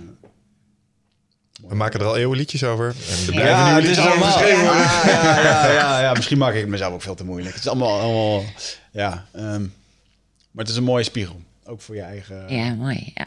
In, in dat kader trouwens, want Peru is natuurlijk ook wel een gebied waar uh, met plantmedicijn wordt gewerkt. Uh, is dat iets wat je bent tegengekomen in je omzwervingen daar? Jazeker. En uh, wat voor rol had het uh, in je verhaal? Ik heb um, ayahuasca. Mm -hmm. Ik heb heel lang gewacht voordat ik überhaupt ayahuasca wilde gebruiken. Ook Mhm. mm -hmm. omdat ik weet dat het heel belangrijk is om daar een hele goede maestro voor te vinden. Er is natuurlijk heel veel kaf onder het koren. En dat is in Peru natuurlijk, zoals ook in Brazilië... en overal waar ayahuasca gebruikt wordt... eh, en waar armoede is, is dus dat de dollartekens Ja, van ja. geld verdienen. En, en met, dus je moet daar als toerist heel voorzichtig, voorzichtig mee zijn. En eh, dus naar de bron gaan. En toen op een gegeven moment had ik een hele mooie, prachtige eh, eh, ayahuasca eh, maestro. Waira. Waira betekent Quechua wind. Ah. En eh, ik wilde ook niet in zo'n hele groepsessie. Ik wilde dat met een paar mensen die je kent. Dus dan krijg je ook een totaal. En dat was, ja, zoals jij mij straks al zei. eh, en dat had ik ook al gehoord. Mijn leven voor ayahuasca en mijn leven na ayahuasca. Het is heel mooi. Ik heb het een keer of vier, vijf gedaan. Iedere keer anders. En ik had gehoord van mensen, en dat is ook zo grappig, want dan hoor je. Oh, en dan ga je ayahuasca doen. Ja, en dan ga je door je hele leven heen. Van, van noem maar op. Dus ik zat allemaal maar te wachten van. En wat je beslist niet mag doen. Nou, allemaal. En dingen die ik beslist niet mocht doen. En wat er zou gebeuren. Ja, dat gebeurde bij mij allemaal niet. Dus dan denk je. Wat, maar dan, dan neemt het je mee. Dat is ook zo mooi. En dan. Dan ga je en dan kom je een hele andere eh, lagen van jezelf. Ik vind het ook zo mooi. Fysiek heelt het. Hè, het heelt fysiek, het heelt psychisch, mentaal en spiritueel. Ja. ja. Dus het raakt alles aan wat je, eh, ja, wat je als mens verder kan helpen. Maar ik heb bijvoorbeeld de boodschap gegeven bij mijn laatste ayahuasca. Klaar. Klaar. Niet meer. En ik moet jou zeggen, als ik er nu aan denk dat ik een kopje of een bekertje of een ayahuasca moet drinken, dan kan ik compleet, compleet onwel worden. En nou, binnenste buiten word ik dan gekeerd. Ja. Grappig is dat, Vond je, hè? vond je die thee net lekker die je dronk? Wigert gaat zo een paar Icaro's zingen, dat is leuk, ja. Oh, tooi ben staat jij- klaar, joh. wat ben jij een boef? Zo, dat zou het zijn, hè? Dat zou mooi zijn, ja. Ja, ben wel echt een speciaal soort eikel als je dat doet. Maar dat, eh, nee, ik besef... Dat zou ik- ik wel in de gaten gehad hebben. Ja, dat, daar ontkom je niet aan. Dat, eh, Nee. Maar inderdaad, ik heb toen mijn eerste sessie gehad. ehm, eh, toen heb ik ook twee jaar... eh, ik heb eerst drie weken met grote ogen op de bank gezeten. Wat is dit? En toen heb ik twee jaar lang e- echt geen, geen enkele cel in mijn lichaam die daar behoefte aan had. Nee. En, eh, dus het, eh, en ook op de tijd dat ik daar ehm, misbruik van maakte... in de zin van dat ik er emotioneel een reflex naar had gecreëerd... van oh, ik heb problemen, dus ik ga het doen, want dan voel ik me goed. Is dat, is Dat- dat, zo? ja, Heb- dat ben jij zo ver mee gegaan? Ehm, ja, zeker wel. Ik kreeg op een gegeven moment een burn-out en merkte toch wel iedere keer als ik dat deed, had ik toch weer wat meer energie en kwam ik, liep ik toch weer heel snel tegen die grens aan. Eh, nou, ga ik dat maar weer doen. Dan krijg ik weer energie. Dat ik op een gegeven moment wel ehm, ehm, me er bewust van werd dat ik. Het is eindeloos met ayahuasca. Dus er is altijd iets op te lossen. En eh, toen een shamaan dat ook aan mij uitlegde, toen, dat resoneerde zo erg bij mij. Dat begon ik toen allemaal tegen anderen te vertellen. En toen zei mijn vriendin op een gegeven moment tegen me van... joh, eh, weet je waarom het zo bij jou is blijven plakken? Omdat het onwijs resoneert met jou. En toen dacht ik, oh ja, ja, ja zeker. En toen heb ik bewust een jaar lang eh, gewoon helemaal niks gedaan. Geen, gewoon puur met mezelf voelen en doen. En, want dat was voor mij heel erg de, het pad. Ik vond dat fijn om te doen. Ik, vond ook, ik vind het ook heel interessant, heel die wereld. Hè. Ik kan daar ook heel makkelijk in gedijen. Eh, maar om eens een keertje een jaar lang echt gewoon even zelf eh, te voelen wat je voelt. En toen ben ik eh, zelf de jungle ingegaan. Dus ik ben me heel erg bewust ehm, dat het, het ego direct een reflex creëert op het moment als we die, die eenheidservaring ervaren. En die ervaren we in verliefdheid of in eh, yes, het is gelukt met de business of wat dan ook. Maar ook, ook in dat. En daar continu naar terug verlangen, terwijl je het hier gewoon op aarde moet doen. Ik Ja. bedoel, de blauwe brief, de blauwe brief die valt gewoon op de deurmat Mm. maandagochtend. En eh, ja, mensen gaan je pijn doen. eh, dat, dat zijn allemaal dingen die gewoon gebeuren. Dus ik, ja, ik heb dat zeker wel ervaren. Ehm, maar de kunst is om het te ontdekken en er wat aan te doen. En ayahuasca laat je ook alleen maar dingen zien waar jij wat mee moet doen. Het lost Ja. niks op voor je. Nee, en, niets. en, en dat is natuurlijk waar de volgende stap in zit. En dat, dat zie ik er ook al bij mensen om me heen. Die, die in de, en dat is hun eigen proces en hun weg, even op dit moment. eh, dat ze moeten gaan leren dat dat, dat niet alles is. En dat het ook niet de enige weg is. Nee, totaal niet. Dat, dat kreeg ik toevallig vorige week nog op een lezing te horen van... vind je dan dat iedereen dit moet doen? Alsjeblieft niet. Ik, eh, toen, laat ik wel wezen, toen ik een eh, plantmedicijn fanatic werd... omdat het mij zo ontzettend had geholpen... er kwam niemand voorbij mij zonder eh, dat ik zei... je moet ayahuasca doen, want Ja. het helpt. En, en daar ben ik zeker wel van teruggekomen. Dat, dat, dat is ook helemaal niet de weg voor iedereen. Eh, het heeft mij onwijs voor gegeven. Dus ik kan alleen maar vertellen wat het mij heeft gedaan. En Ja. wat het voor jou heeft gedaan. En dat, wat jij zei ook, van wat al die mensen zeiden hoe het zou zijn. Wij krijgen allemaal mailtjes. Ja, we hebben het nu een paar keer gedaan. Ik zou graag willen weten, waar, waar heb jij dan dit gedaan? Want al die verhalen die jij meemaakt, ja. ik heb dat nog nooit meegemaakt. Nee, maar dat Nee. kan ook niet. Maar Nee. mensen zijn dan zo, ja. Ja, en dan ga je verwachten Ja. dat dat dus hetzelfde zou Precies. zijn. En dan, Maar tegelijkertijd ligt daar wel een van de meest fascinerende aspecten, eh, vind ik persoonlijk, van eh, het ayahuasca-verhaal. Is, ik herken wat je zegt, hè, dat mensen dan, eh, die hebben, we hebben daar best wel uitgebreid over gesproken, dus die gaan er met een bepaalde verwachting in. Zo van, zoals jij ook een beetje beschreef, je hoort van alles Ja. erover. Ehm, maar tegelijkertijd over de linie heen is het toch wel weer zo dat er een aantal van die bijna archetypische ayahuasca-ervaringen zijn die iedereen heeft, zoals die slangen die in je Ja. periferie op je afkomen. Dat heb ik gezien, weet je wel, en iedereen heeft het daarover. Dat is zo wazig. En dat vind ik zo fascinerend dat het echt bijna voorspelbaar een aantal van. En er zijn meer van dat soort elementen. eh, en, en het contact met de entiteiten Maar, bijvoorbeeld. ja, maar dat heeft ook met de plant te maken, hè? Want het is ook een jungleplant. Oh ja, dat geloof ik En wel. de jungleplant. Ja. dat- Slangen, ja, eh, ja, het is gewoon, het hoort er gewoon bij. Dat is de kracht van de ayahuasca, de jungle. Dus daar komt heel veel, eh, komt daar vrij. Ja. maar dat vind ik bijna magisch. Ja, dat, is ook, maar, maar het is ook magisch. Ja, ook, ja, ja, ja, daar kun je over soebatten. Maar eh, Ja. desondanks dat er over die ervaringen heen... ja, hey, luister, deze gaan we niet over doen. Dat heb ik zo vaak gedaan. Dit. maar dat, dat, dat het zo voorspelbaar is. En dat er gewoon bepaalde patronen in die ervaringen zitten. En als ik daar dan ja, over mij ben ik... Oh man, eh, precies. Het moet wel bijna... En dat heeft natuurlijk ook met, eh met Icaris te maken, hè, die gezongen worden. Ja, hè, want die hebben het dan ook over bepaalde. Dus, dus in die energie zit dan ook heel veel. Je wordt ook naar bepaalde dingen toegeleid Ja. hè, door, die, door die chanting. Ja. Klopt. Mijn, mijn, mijn meester, eh, het stamhoofd, die, eh, ehm, en dat heeft hij eigenlijk nog bewust gedaan, die zei, eh, je bent nu bezig met het oefenen van die Icaro's en zo. Ja, de Zeg maar ga je ja. pas in een later stadium leren hoe dat je visioenen kan oproepen. Ja. Dus dat is gewoon, en dat weet ik ook, dat hij dat kan doen. Hij kan gewoon die knop aanzetten, alsof hij een lichtknop aanzet. Mm. En, de buur, en de boel staat in brand of ontploft of eh, het is een, eh nou, Ja. is een wonderland. Maar dat is grappig dat je dat zegt. Want dat, dat heb ik ook, als ik teruggrijp naar mijn ervaring. Er waren bepaalde ico's en dan gaan ze aan. En dan zwelt het aan of zo. En, en dan, Ja. dan ga je weer de, zeg maar, Ja. naar buiten of zo. En dan, dan lijkt je weer te landen. En dan ge- geven ze weer even rust in de ceremonie. En dan zwengelen ze die energie weer aan. En Ja. dan zit je weer in de achtbaan. Ja. Als dat niet magisch is, En, dan, en dat emmertje, die emmer. En je denkt toch echt, die emmer die loopt over, hè? Die ja. moet vol, ja. Ja, nee, maar die loopt over. Jij en je emmer krijgen een hele bijzondere relatie. Oh, En dit- jij en je dit- emmer, ja. En dit, dit kunnen mensen alleen maar begrijpen die, hier, eh, die dit ooit hebben gedaan. Dat die emmer, die kan je echt je leven redden op die dag. En dan, ja, eh, de laatste, moet ik eerlijk zeggen dat in de jungle is er geen emmer. Daar loop je gewoon eh, Oh, de God. jungle in. Ja. En, eh, ja, Nee, ik had mijn ja. emmertje. Tegelijkertijd vond ik dat ook een van de meest intimiderende dingen. Als je dan dat zaaltje binnenkomt lopen en er staan al die emmertjes. En al die rollen papier. En dan weet je, oh god, Ja, kan ik naar huis? Ja, ja, dat krijg je ook gewoon niet uitgelegd eigenlijk. Dan, Nee. Dus, en nu doen we er heel lach over. Dus mensen zitten dan ook echt zo van, wat is het dan? Weet Ja, je? Je, je, ik kan het niet beschrijven, jongens. Dit, eh, Kan je niet beschrijven. je nee. moet ook voelen dat het iets voor jou is.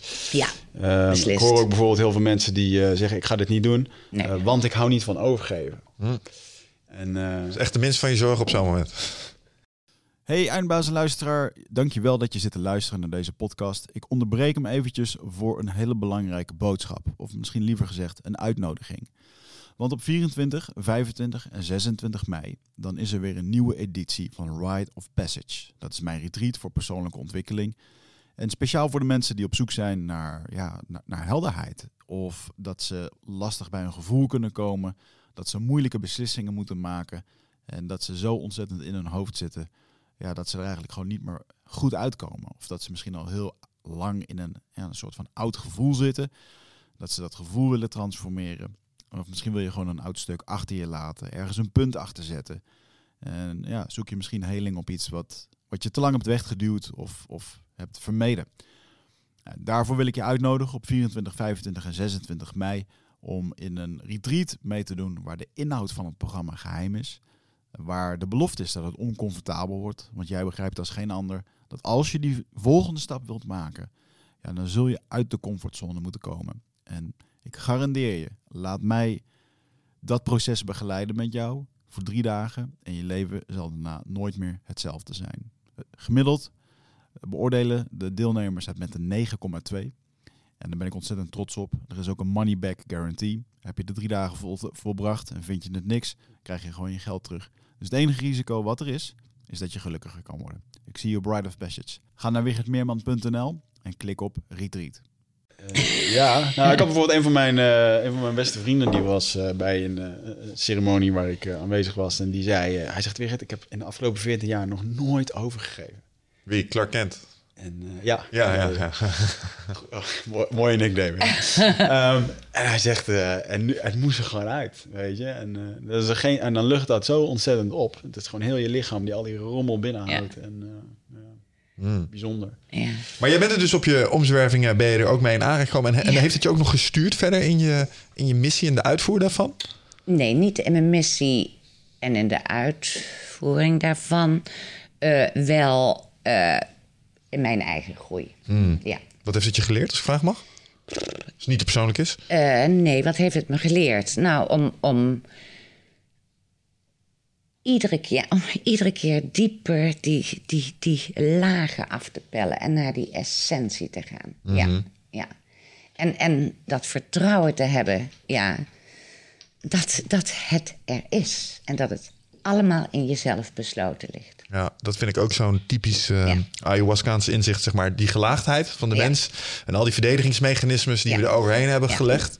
En ik moet dan altijd denken aan dat verhaal van eh, Johnny Bang, die het had over dat innerlijke kind van hem, dat hij probeert te beschermen. Het is een man met een best wel intimiderend voorkomen, Maori-tatoeage op zijn gezicht. En hij zegt, Mm. ik doe dit Oh ja. om, om de innerlijke ik, zeg maar het kind in mij, Mm. wil ik in leven houden en dat bescherm ik op die manier een soort van, en dat is een soort verdedigingslaag. Ja, ja. En ik moet daaraan denken als ik je dit zo hoor zeggen. Wij hebben allemaal van dat soort verdedigingslagen Ja. om ons, ja, dat innerlijke kind heen. En die weet donders goed wat er gebeuren moet. Ja. En die wil van alles en die heeft een gevoel van wat goed is en wat niet goed Ja. is. Alleen wij hebben allerlei rationalisaties daar overheen gelegd. Ja, en Dus ik dat- denk, ik denk eh, eh, n- nog iets groters. We worden voortgedreven door onze angst. Ja, maar is dat een slecht iets? Eh, nee, maar ik, ik denk dat angst kan. eh, hè, een, eh, wordt ook vaak gezegd: een moedig mens kent zijn angst, maar laat er zich niet door leiden. hè. Eh, maar als je angst je leven gaat leiden en je een heleboel dingen laat doen uit angst en een heleboel dingen niet laat doen omdat je de moed niet op komt brengen over je eigen angst, ja, ja, nou dan dat- daar zit je toch wel. Ik vind angst toch wel iets heel heftigs hoor. Ja, nou, ik heb laatst een gesprek gehad hier met eh, iemand waar jij het net over had, Jordan Peterson. En eh, wat hij ehm, mij geleerd heeft, is dat angst ehm, eh, als zeg maar ehm, blokkade is iets slechts. Maar angst als motivator kan heel goed zijn. wat, en wat hij schetst is, joh, wat ik wil dat je doet is niet alleen nadenken over waar je over twee tot vijf jaar zou willen staan. Maar ik wil ook dat je erover nadenkt hoe je leven er over twee tot vijf jaar eruit ziet als je nu niet tot actie overgaat. En dan kan je bang worden voor dat resultaat. Ja. En dat is ook een angst. Ja. Maar die angst kan er wel voor zorgen dat je net dat bruggetje overspringt Oh, waar je precies. anders niet. Maar ik heb het meer over die levensangst. Ja, ja, ja. Die in ons allen besloten ligt. Ja. Ja, dat is wel het grootste dingetje wat ik vorige week sprak voor een paar, eh, voor een veertigtal studenten van 20 jaar. En eh, daar is angst ook gewoon een ding. Ja. Ja, man. Oh, maar ik allemaal angsten van mijn ouders gaan nu dingen verwachten, de maatschappij Ja, verwachten. ja, Ik ben ja. wel opgeleid, maar ik kom er eigenlijk achter dat ik helemaal niks weet. ja. En, eh, maar ja, hey, good for you, dat is het leven, weet je wel. Ik bedoel, eh gaat aan. En, Mhm. eh, ik denk ook wel dat we daar ehm, veel te soft mee omgaan in onze maatschappij. Uiteindelijk is, is die weg ook gewoon, eh, dat is tof. Dat is het leven, weet je wel. Ga, ga er maar op uit en, en faal maar. En eh, eh, Ja. dan is, ik las gisteren nog toevallig eh, Jordan Peterson, dan zag ik even over het ouderschap, omdat ik jou daarover hoorde. Ja, ja, ja, ja, ja. En dat hij zei dat ehm, eh, de menselijke persoonlijkheid wordt het meest gekrenkt op het moment als hij zijn moeder verliest. Dat schijnt echt heel erg veel schade aan te brengen. Eh, als tweede komt de vader. En als de vader niet supportive is voor een kind, ja, dan gaat een kind eigenlijk gewoon half gebroken de, de wereld in. En, eh, hoe mooi kan het zijn dat je vader stoomt je gewoon klaar voor als je 18 bent om die wereld in te gaan. En stimuleert je in alles wat je moet doen. En het maakt niet uit of dat je faalt. En dat concept, dat is bijna, dat zie je, gewoon, dat zie je eigenlijk gewoon niet zoveel. Nee. Want falen, dat is een vloekwoord. Ja. Ja, dat falen mag niet. Ja, maar dat is zo ellendig. Ja, ja, ja, ja, dus ja. die angsten worden alleen maar, die levensangsten worden alleen maar groter. Ja, ik herken dat wel hoor. Je vader is echt je voorbeeld. eh, Ja. Ook op latere leeftijd. Nu nog steeds grijp ik terug naar de voorbeelden die mijn vader me vroeger gegeven heeft. Mhm. En eh, ja. Wij zitten daar wel in een grappig... Over, ja, je kan Een interessante dualiteit. Ja, ik met mijn moeder en jij met je pa. Ja. Ja, jij hebt je moeder verloren, ik ben mijn pa verloren. Maar ik ben mijn moeder verloren. ehm, ehm, nou, ze heeft nog wel een tijdje geleefd, maar ik ben er verloren aan alcoholisme. En daar is ze later ook aan overleden. Maar ik heb een tijd in mijn leven zonder mijn moeder doorgebracht. Alle banden verbroken daarmee, Ja. omdat dat gewoon te pijnlijk was. En dat was eh, eh, in vormende jaren, zo rond mijn 18, 17e begon dat te spelen. Dat heeft tot mijn, diep in mijn 20ste heeft dat, is dat een issue geweest tot, tot ze overleed. En onder andere ayahuasca heeft mij heel erg geholpen met dat eh rechtzetten in mijn hoofd. Heel ja. heftig, ja. ja, dat was het wel, ja. Nou ja, Wicht heeft iets soortgelijks met zijn vader natuurlijk. Dus, eh. Ja, ik heb, mijn vader is twee maanden na mijn geboorte overleden. En in mijn eerste ayahuasca-sessie heb ik een acht uur lang gesprek gehad met mijn overleden vader. Ja, Noem het echt of niet, maar voor mij was het eh, een hele... Ja, hij heeft mij opnieuw opgevoed in dat visioen. En dat was een prachtig. bijzonder, ja. Oh, wat mooi. En eh, ik wist echt niet wat me overkwam of waar, eh, hoe ik ertoe moest zoeken. Maar prachtig. Dus ik, Ja, dat is mooi. Mensen kunnen, ja, als mensen dan nu wel eens de discussie met voeren, waarom doe je dit? Is nou echt nodig? Ja, dat was echt nodig. Dat was nodig, ja. ja. Ja, dat was nodig. Dan Maar wat een heling krijg je dan. hè? Ja, zeker. En Ja. dan is er natuurlijk altijd nog het, het- het debat over, is het dan echt of niet? Dat maakt niet uit. Maakt niet uit, nee. Voor mij was het heel echt. Ja. En, eh, Ja. en Ja. daarin, eh, ik kan alleen maar dat enthousiasme voor mezelf eh, daarin meenemen. En ehm, ja, ehm, iedereen moet het voor zichzelf bepalen. Maar ik vond het een, eh, als je het hebt over heling, en mensen vinden dat ook een beetje een eng woord. Heling, wat is dat dan? Joh, je hebt zoveel te helen in jezelf. Je hebt Ja. geen idee. Ja, precies. Weet je? En, Ja. ja. ja, zijn wel mooie dingen. Hm. Heb jij te maken gehad daar met... ehm, ehm, er moet ergens een situatie zijn geweest met een kind... wat onder jouw hoede was, waarvan je dacht van...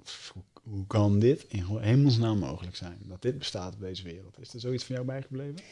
Er zijn een heleboel situaties geweest met mijn kinderen.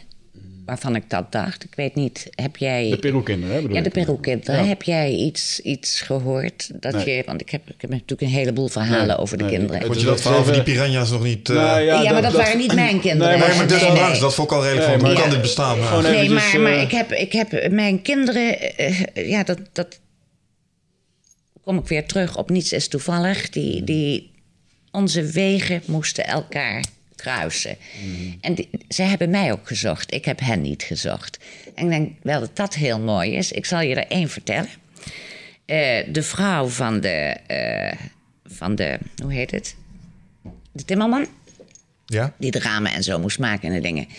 Die kwam iedere vrijdag eh, geld ophalen, want dan- iedere vrijdag moest er betaald worden. En toen zei ze iedere keer tegen me: Jij moet, ik heb uit één gezin zes kinderen. Ja? Drie meisjes en drie jongens. En eh, toen zei ze: eh, Mamita, ik werd altijd Mamita genoemd, jij moet met mij mee, deze kinderen hebben jou nodig. En naar de hand vertelde ze me het hele verhaal. Dus ik ben ook meegegaan. Nou, die kinderen waren in vreselijke omstandigheden. Eh, De oudste, Margot, was elf.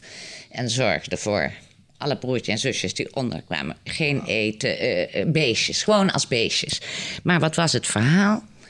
Eh, eh, vader zware alcoholist, altijd weg.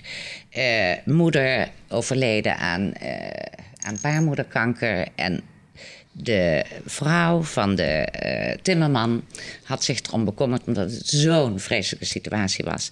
En op haar sterfbed had zij gezegd: Je moet voor mijn kinderen zorgen. Die moeten een, een. En meisjes tellen dan nog niet zo mee, maar mijn jongens moeten ergens opgevangen worden. En had zij beloofd, de vrouw van de timmerman: Dat ga ik doen. Dus vandaar dat ze mij in mijn kraag greep. Want iedere nacht, als ze lag te slapen, dan werd ze op de schouder getikt na de dood van die moeder. En dan zei ze: Je hebt nog niks gedaan. Dan zat ze naast het bed, zei ze: Je hebt nog niks gedaan van mijn kinderen.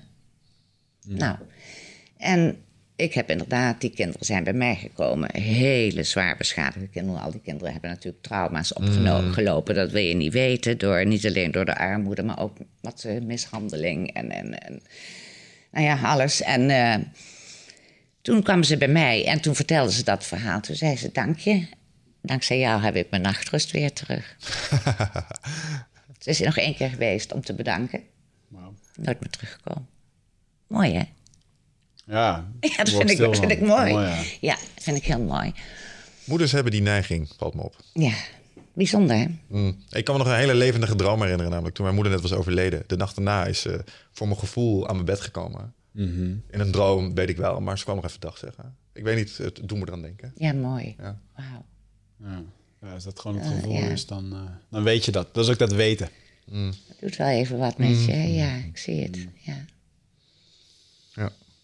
ja, zoals ik al zei, dat doen moeders. ja. Hey, en als je nu kijkt naar, ehm, eh, je bent op een gegeven moment ehm, de projecten gaan opzetten, daar had je geld voor nodig.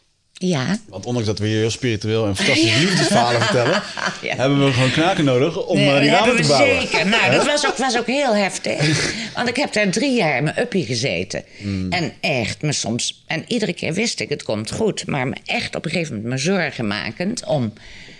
Jongens, maar, maar ik kan dit niet zo voort gaan zetten, want eh, de geldzak is leeg en er was nog niets. En toen kwam op bezoek eh, Jan Reker.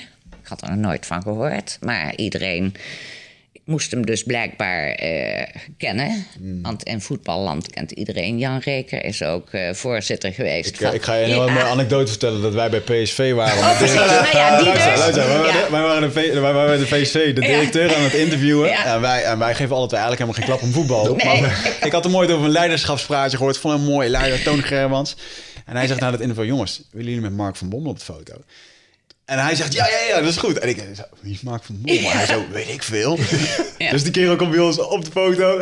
en ik kijk later in de auto op mijn telefoon. Ja, toen kwam ik erachter dat je eh, toch wel... eh, Even iets met voetbal gedaan. Even je een keer, voetbal ja. gedaan en het Nederlands team geleid. En toen dacht ik echt, oké.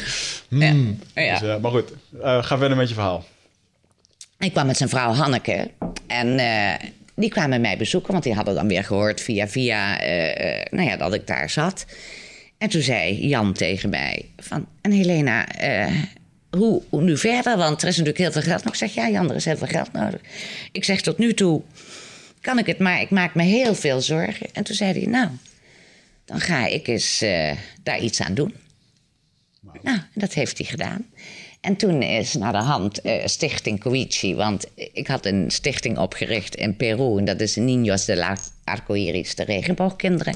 En toen is naar de hand, ik, er was ook al een stichting in Nederland, maar die is toen weggegaan. Wat was nou dat woord voor regenboog? Op zijn Spaans?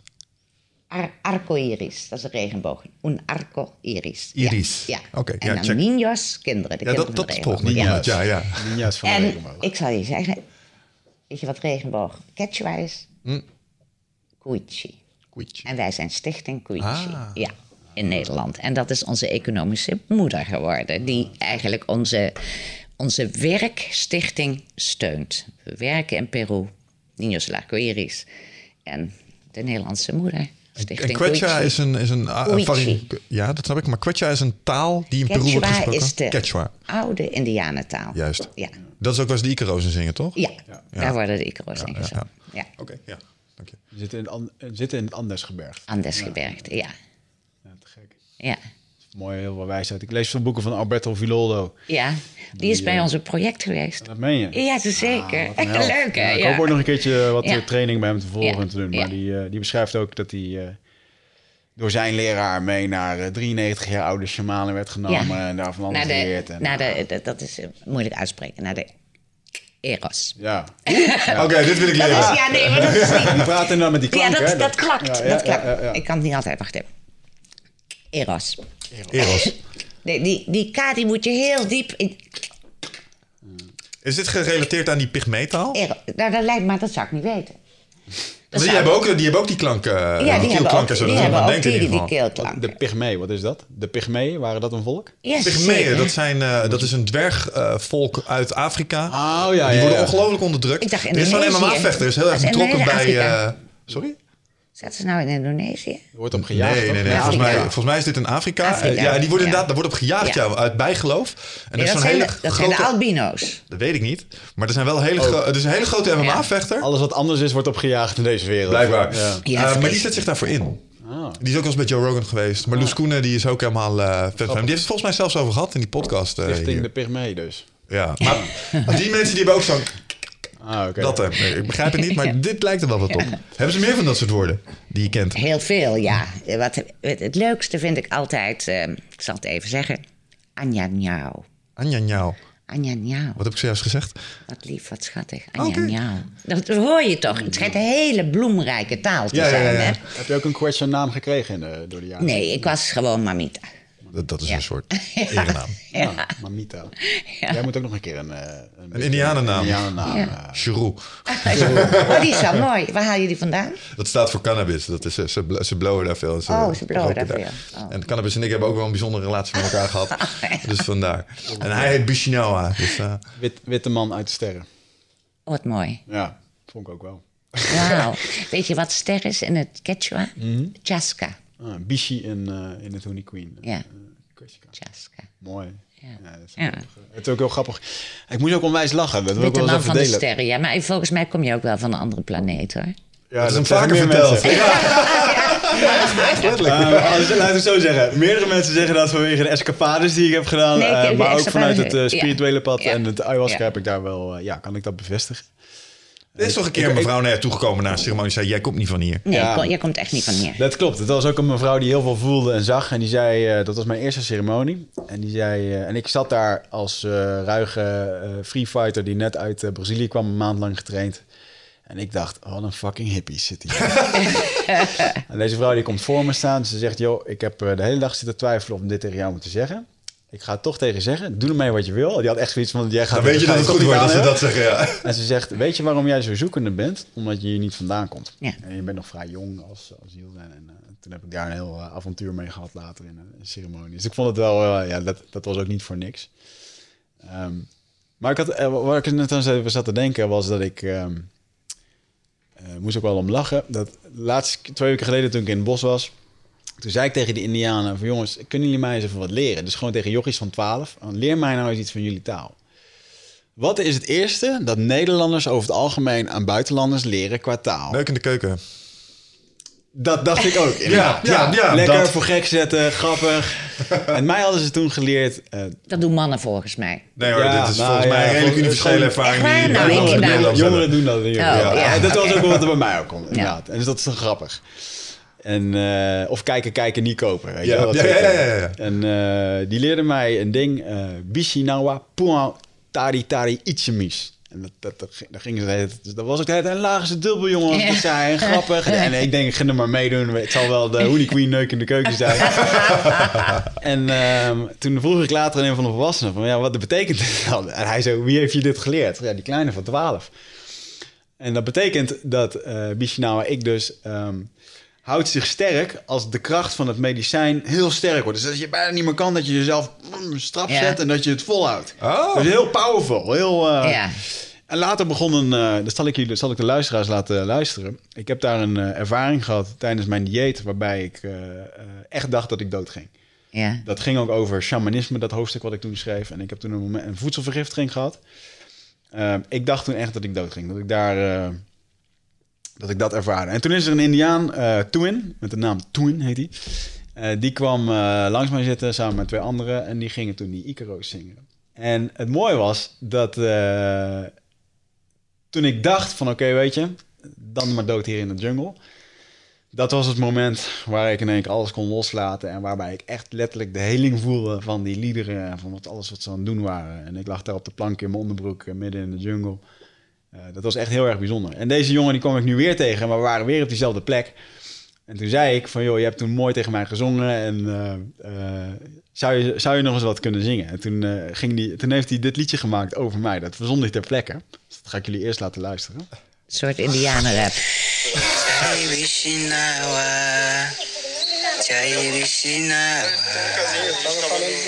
Nukushaba watanae, nukushaba washonki, Mishina wa ibubu, Mishina wa yoshibu, yoshibu bubuta, Iskawa shumkaya we, kaya wa ikiki.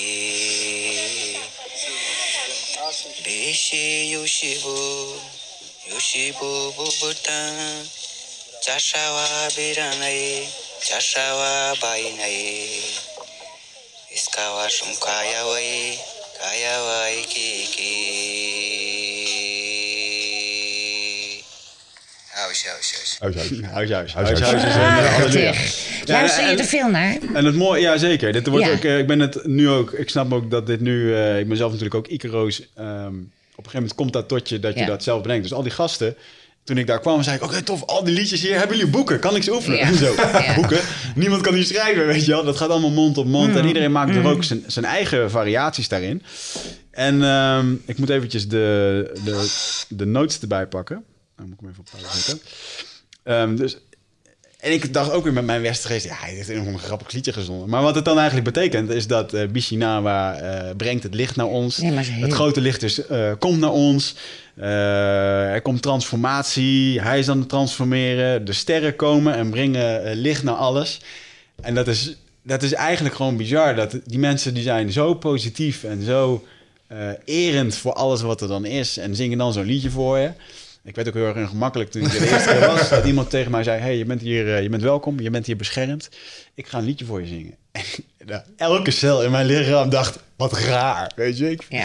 maar eigenlijk was ik gewoon degene die raar was. Want het is gewoon super mooi dat iemand dat Het doet. is zo, maar, maar dit is ook... Nou, luister er maar heel veel naar. Mm, ja, dit wordt een uh, bijzondere ja. Ja. Het was wel Ja. even toen we weer terugkwamen uit de jungle en begon hier hetzelfde te doen. Het was uh, ongemakkelijk bij het koffieapparaat. Maar ja, ik vind het ook leuk. En het, en het, en het zingen is ook echt een... ehm, eh, het, joh, dat is een van de oudste methoden, denk ik, serieus om jezelf te helen. Want het brengt klank, het brengt Ja. vibratie, het brengt, Ja. het brengt letterlijk heling. Ehm, dus- en dat is ook... Bij deze mensen staat alles eh, in, in, in trant van zelfheling en van elkaar. Ja. Ik kreeg wel eens een scherende opmerking van... Ja, lekker track, daar, lekker drugs gebruiken. Ja, klopt. Deze mensen gebruiken dagelijks planten en kruiden... zodat ze niet naar de apotheek hoeven. Wij worden ziek, zodat we... En dan gaan we naar de apotheek en dan gaan we het oplappen. En dat is zo'n andere mindset. En eh, af en toe uh, tenenkrommend om het niet aan het eh, grote publiek te kunnen uitleggen... dat het, dat het gewoon zo simpel werkt. Maar goed, dat is mijn uitdaging voor dit leven... om daar eh, Ja. verandering mee te brengen en een stuk Galactische te ridder? Ja, ja, misschien wel. ja. Intergalactische ridder. Ja. Ja. Ja. Ja, psychonaut zeggen sommigen ook. Space Cowboys, ja. over. Ik heb Ja. alles al voorbij horen komen. Laatst zei ik nog tegen de paar, eh, eh, ehm, eh, studenten van jongens, als nou echt alles mislukt in je leven, dan ga je gewoon drugs gebruiken bij de Indianen. Ga je erop vertellen op een podium en dan krijg je het betaald. dat is dat het. Ja, heel cynisch. Maar goed. Dat vind ik dan ook wel interessant, hè? want we maken nu, ehm, eh, we praten hierover, we maken hier, eh, we lachen hierover. Wat was de rol van humor in alles wat jij daar gezien hebt? Want ik denk dat als je in zulke erbarmelijke omstandigheden dingen meemaakt, dat humor een heel belangrijk iets is om, om de dag door te komen. Ik denk dat eh, humor, hoe dan ook, een heel belangrijk levensingrediënt is. En we kunnen niet zonder een lach en zonder humor. Vandaar ook dat mijn quote is van lach, ben blij. Ja, want dat, ik denk ook dat dat de spirit geeft en de passie aanwakkert om, eh, om er tegenaan te gaan. Want eh, als je je lach kwijt bent, en ik weet nog, nou ja, als je heel veel verdriet hebt, dat hebben jullie ook meegemaakt, dan ben je je lach kwijt. Nou, dan voel je je ouder als Methuselem. Als je je lach kwijt bent en je humor. En zo gauw als je je lach en je humor weer hebt, dan kun je nog zo oud zijn. Maar dan voel je die kalender niet hier binnen.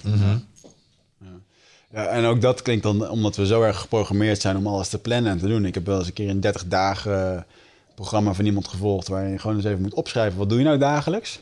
Zet er eens even vijf streepjes bij over hoeveel energie je daarvan krijgt. Of geef het een nummer van 1 Ja. tot 10. En ik besefte me eigenlijk dat dingen waar ik heel vrolijk van werd, waar ik veel energie van krijg, die deed ik veel te weinig. Ja. Bijvoorbeeld alleen maar met vrienden zijn of eh, even bellen met iemand. Of, en ehm, gezien in de maand daarna heb ik daar meer focus op gedaan en voelde ik me daar beter in inderdaad. Zo simpel kan het zijn, als iemand het heel praktisch Ja. wil. eh, Ja. Ik denk ook wel. Nou, Volgens mij heb je wel eens eerder gezegd dat je een goede, een goede maestro of een goede zeg maar, leider herken je ook aan zijn lach. Want dat zijn ook mensen die Ja. het allemaal niet te serieus nemen. Nee. Dat vind ik, eh, vind ik ook belangrijk. En ik denk dat dat ook wel iets is wat je in, in dat soort gebieden heel erg leert. Het relativeren. Wij hier in het Westen uh, nogal behoorlijk met onszelf bezig en dat soort dingen. En daar heb je denk ik ook meer het gevoel van gemeenschap. Zijn dat dingen geweest die, eh, waar je verschillen in ziet tussen daar en hier? Ik zie ontzettend veel verschillen tussen daar en hier. Eh, de hele cultuur is zo anders. Mhm. en, en zoals ik al eerder zei, overleven is zo anders. Ja. En dan heb je dus twee ingrediënten die, die het gewoon helemaal anders maken. Mhm. En dan kan je ook zeggen van, eh, wat jij zei, zoiets van mensen zijn dan nog zo samen. Die hebben nog dat. Ja. Maar als daar eigenlijk al een, een, zeg maar een westerse voet in gezet is, dan zijn ze niet meer samen. En dan komt er een heel stuk, omdat ze aan het overleven zijn, tussen. En dan doen ze eigenlijk alles ook om elkaar de kop af te hakken. Oh, je bedoelt dat, zeg maar, dat samenhorigheidsgevoel, nu bijvoorbeeld smartphones en zo daar een ding zijn, zien ze Ja. ook de westerse cultuur. Oh, dat en- leiden ja. door vergelijken. En al die soaps die er zijn, want ze hebben televisie en ze snappen het niet. Nou, waar gaat het, waar gaat het zo arm? Het is macht, het is eh, eh, mishandeling, het is schoonheid, het is seks. Nou ja, al die soaps hebben zo die ingrediënten. Ja. Dus ze snappen het eigenlijk allemaal niet, maar ze worden steeds geconfronteerd met dat soort zaken. Ja, dus worden, ze krijgen die westelijke indoctrinatie eigenlijk eh, Zo heftig mee. ongefilterd mee. Dus ze zijn Ja. er niet op voorbereid en dit niet- krijgen ja, ze, dit krijgen ze nu binnen. En dit is hun Ja. eerste introductie in En de dat is heel cultuur. heftig. Wat ik interessant vind, want als je erover nadenkt wat er nog meer eh, binnen het bereik van hun vingers ligt met die smartphones. Ik bedoel, er zijn ook eh, YouTube-kanalen compleet en alleen gewijd aan geschiedenis, filosofie, eh, hoe je jezelf kunt verbeteren als mens. Dus die kennis en informatie die kunnen ze ook ophalen. Ja, maar dat doen ze niet. Dat gebeurt niet. Waarom niet? Daar heb je een bepaalde, daar heb je een, daar heb je een bepaald iets voor nodig. Dat dat bij je wakker gemaakt is. Hmm. En dat is onder andere iets wat je kunt doen door bijvoorbeeld onderwijs Nou op ja, jonge onderwijs leeftijd. maakt alles wakker in je. Onderwijs zorgt dat je eh, door zelf dingen te gaan doen. Je gaat 1 en 1 is 2. Ga je op een heleboel verschillende manieren doen. Je leert creatief te worden. Je leert beter met je omstandigheden om te gaan. Je, leert je problemen makkelijker oplossen. Noem maar op. Maar als jij nooit eh, eh, getriggerd wordt. En jij bent dus met één been in het plastic leven. En met je andere been ben je nog in het leven van wel eer. Hè, en dan drink je de chicha. En chicha is het eh, gefermenteerde maisbier van de Inca's. Ja. Ja. Maar als daar vandaag de dag dan een heleboel industriële alcohol in komt. En jij hebt geen werk, hè, want jij wordt uitgebuit. Hè. Vergeet niet dat er in Peru zelfs nog slavernij is. Hè? Is dat zo? Echte slavernij. Ik heb even gekeken naar Peru, dus Ja. het schijnt een democratie te zijn, eh Ja, las ik op de maar, website. Ja eh. maar, dat, ja, maar dat kun je niet vergelijken met onze democratie. En het is, nou, het is gewoon een soort van nepotisme. Hè? De, de ene die. Even, wat is nepotisme En- precies? Nee, maar het is echt vriendjespolitiek. Dus Juist. ze zijn, ze zijn echt bezig om elkaar te dekken. Om, om die, kleine, die kleine minderheid wil die macht niet afgeven. En, eh, nou ja, en dat dat uit mijn mond komt. Maar sinds ik in Peru zo lang geleefd heb, ben ik tegen algemeen stemrecht. Want in Peru, hè, daarom verandert er nooit iets. Mensen zijn analfabeet. Mensen zitten ver in de bergen. Oh, ja, ja, ja, ja. Mensen hebben geen radio, er komt niets binnen. En dan komen ze aan met hun zakken suiker en rijst. Steken hier voor stemmen, juist. En hier moet je je kruisje zetten. Nou, en we, we komen nooit uit die ellende. Ja, dus wat je zegt is eigenlijk in zo'n land Ja. zou je een soort eh, minimaal opleidingsniveau moeten Ja. verplichten voordat Ja. jij een stembiljet Ja. mag invullen. Ja, Ja. Mag in Nederland ook wel hoor. ja maar dan, Dat heb ik ook wel eens met ouderschap trouwens. Dat je daar een soort examen voor zou moeten doen misschien, voordat je eraan begint. Ja, of dat je een bijdrage eh, levert aan de maatschappij in een bepaalde mate. Dat, door bijvoorbeeld gewoon te werken en belasting te Ja, betalen, ja. dat soort dingen. Maar goed, dat is weer een andere... Hey, je had het trouwens net even over iets eh, waar ik jou ook wel eens over heb gehoord. Ehm, alcohol. Ze hebben alcohol daar in het Westen. Dat wordt in toenemende mate ook gepusht vanuit de bedrijven daar. En Nee, dat nee, is een nee, nieuw soort verleiding. Want volgens Ja. mij, jij hebt gezegd, alcoholisme was best wel een issue in sommige ja, dorpen. maar, dat, maar dat, dat is ook de, de uitzichtsloosheid. Hè? Ze hebben het gefermenteerde maisbier van, van vroeger. Ja. Eh, nou, dat is, eh, als je ook in zo'n ton kijkt, die heeft een eigen leven. Bloep, bloep, bloep. Maar daar smijten ze nu zoveel industriële alcohol in. En dat Ah. gaat dan niet over een biertje of weet ik wat wij drinken of een wijntje. Maar dat is dus echt heel heftig. spul. En dat is wat Peru me ook geleerd heeft. En dat zul jij dan ook wel zien waar jij bent. Armoede en alcoholisme lopen hand in hand. Ja, wanhoop en alcoholisme misschien. Ja, Ja. en armoede ook. En daar zit, daar in armoede zit wanhoop, zit, ja, noem maar op, zit alles. Maar Mm. dat is werkelijk heel heftig. Ja, ik zit in de eerste, ehm, of tenminste het dorp waar ik heen ga, dus de eerste dorp aan de rivier. Als je dan met drie uur het vliegtuigje de Amazon in, dan heb je een soort plek, eh, Jordao. Ja, dat was vroeger ook gewoon Indianengebied, maar nu is dat dan een beetje de tussenhaven naar al die kleine Indianendorpjes. Dat is het laatste plek waar je altijd internet hebt, toch? ja, Voordat je dark gaat. Ja, ja, ja, ja. Twee, ehm, twee, uur, eh, twee uur varen met een boot naar niks. Alleen eh, dat is maar twee uur afstand. En daar zie je er al echt gewoon tv-schotels, eh, houten huisjes Ja. met tv's. Ehm, en nu ben ik me wel heel erg bewust dat ehm, vooral een land als Brazilië, eh, wat arm is, en Peru, die slaan de computergeneratie over, want dat is te duur. Maar iedereen loopt met een mobieltje rond. Ja. Ehm, en dat is voor iedereen voorhanden. En dat, dat zie je ook bij eh, die Indianenstammen. Daar lopen mensen ook inderdaad. En dan zie ik het ook wel grappig. Dan tijdens ayahuasca-ceremonies worden er foto's gemaakt van elkaar. Want we vinden het leuk. Dit is een speciale aangelegenheid. Iedereen is eh, mooi aangekleed. We maken er even een herinnering van. En dat was voor mij zo'n weerspiegeling van... ehm, ja, het is inderdaad wel handig, al die technologie. Het is leuk. Alleen het grote ding is wel dat eh, in Jordao... daar is een hoop criminaliteit, eh, Ja. alcoholisme... en alcohol in die stam zelf bestaat niet. En we hadden het zo straks over eh, een, een shamaan en over de medicijnen en over hoe puur dat allemaal is. Wat ik wel heel mooi vind bij deze stam is dat ze altijd geïsoleerd hebben gezeten in het bos. Dus er is nooit een andere mengeling van ander iets bijgekomen. En dat zie je bijvoorbeeld bij de Shipipo in, eh, in Peru bijvoorbeeld wel weer. Een hele mengeling van alles nog wat en stromen. Maar het is wel de grote, ehm, eh, ja, de grote vernietiger. En volgens hun kwam het met de witte, de white man, werd het geïntroduceerd. Ja. Ja. Ja, ik denk dat je er toch niet aan ontkomt. Technologie is gewoon ehm, Ja. te goed. Er, zit, Ja. er kleeft te veel waarde aan. Ah, je moet ermee om leren gaan. Ja. En ik denk dat het niet lang duurt voordat dit soort mensen, als je daar een, eh, als wifi daar echt een ding zou worden. Hè, je hebt wel eens gehoord, ik heb eens gehoord over, wie was het? Elon of eh, Bill Gates, die zo'n netwerk met van die eh, wifi's en dus aan ballonnen of wat dan ook. Maar in ieder geval dat, dat je overal een dekkend netwerk zou hebben. Dan gaan ze het ook op Facebook zetten. Dus dat is een kwestie van tijd. Tuurlijk, ja. En dat gaat die vergelijkingspijn waar jij het in het begin over had, gaat het alleen maar eh, in de hand spelen. Het is toen ik in Bali was dit jaar op de Gili Islands. Dat is eigenlijk ook gewoon een eiland met alleen maar mensen uit Lombok. Joh, die, die is helemaal niks. En ik weet nog wel dat, eh, dat ik en mijn vriendin liepen op een gegeven moment eh, s'avonds naar buiten bij die gast die ons hostel eh, had. En eh, ik zei, hey man, how are you? Hij zo, eh, not good man. Ik zo, oh, waar heb je het over? Oh, my life sucks. Echt, oké, dude. ehm, dat je dat zo uitspreekt, hij had echt, een, echt een rotdag.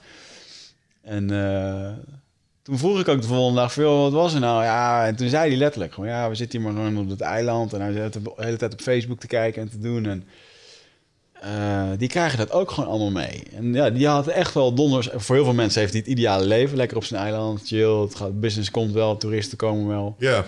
En eh joh, ergens is gewoon eh, een zwaar tekort. En eh, een gevoel dat er, niet, ja, dat er meer is in de wereld dan alleen het fucking eiland. Zo dacht hij erover, weet je wel. Ja, en ik denk dat hij gelijk heeft. Maar ik denk dat je een heleboel van de rest van de wereld ook naar je eiland kan halen als je die internetverbinding hebt. Want in plaats dat je op Facebook zit, kun je zelf Ja. ook dingen gaan leren. Ja, maar daar zit dus een, stuk educatie en progressiviteit in. Dat als je een, een, een eilandbewoner, joh, je vangt een kokosnoot en je hebt een vis, je hebt te eten, dat is het. En dat hele progressieve denken. Dus je ziet ook dat alle duikscholen daar zijn vaak opgezet door. Er zat toevallig een Hollander die dat deed. Hij zegt: joh, ik heb hier alleen krijg je hier niks opgezet. Maar op het moment dat je geld hebt en je betrekt iemand erbij, dan gaat het werken. Dus dan is de white man toch weer de stuwende Ja. kracht. Eh, die zet de jongens wel aan het werk, waardoor ze ook een duikbrevet kunnen halen en dat soort dingen. En je stimuleert daar zeker wel de economie mee. Maar ehm, eh, jij zegt wel eens de opmerking: stuur je een, een aap het bos in en laat hem maar uitkomen wanneer hij een e-mail kan sturen. Ja. Voordat dat proces en die evolutie voorbij Ja. is, dan zijn we ver weg. Weet je, dat duurt lang. Ja, het is. eh, ja, ik, ik denk dat het klopt. Ik vraag me wel eens af hoe dat toch kan. Eh, ik heb ook wel eens het idee dat eh, als je zeg maar evolueert in dat soort gebieden. dat kan echt, ik, ik weet niet, volgens mij maak ik hier een paar denkfouten. Maar ik denk ook wel eens dat het gekoppeld is aan klimaat.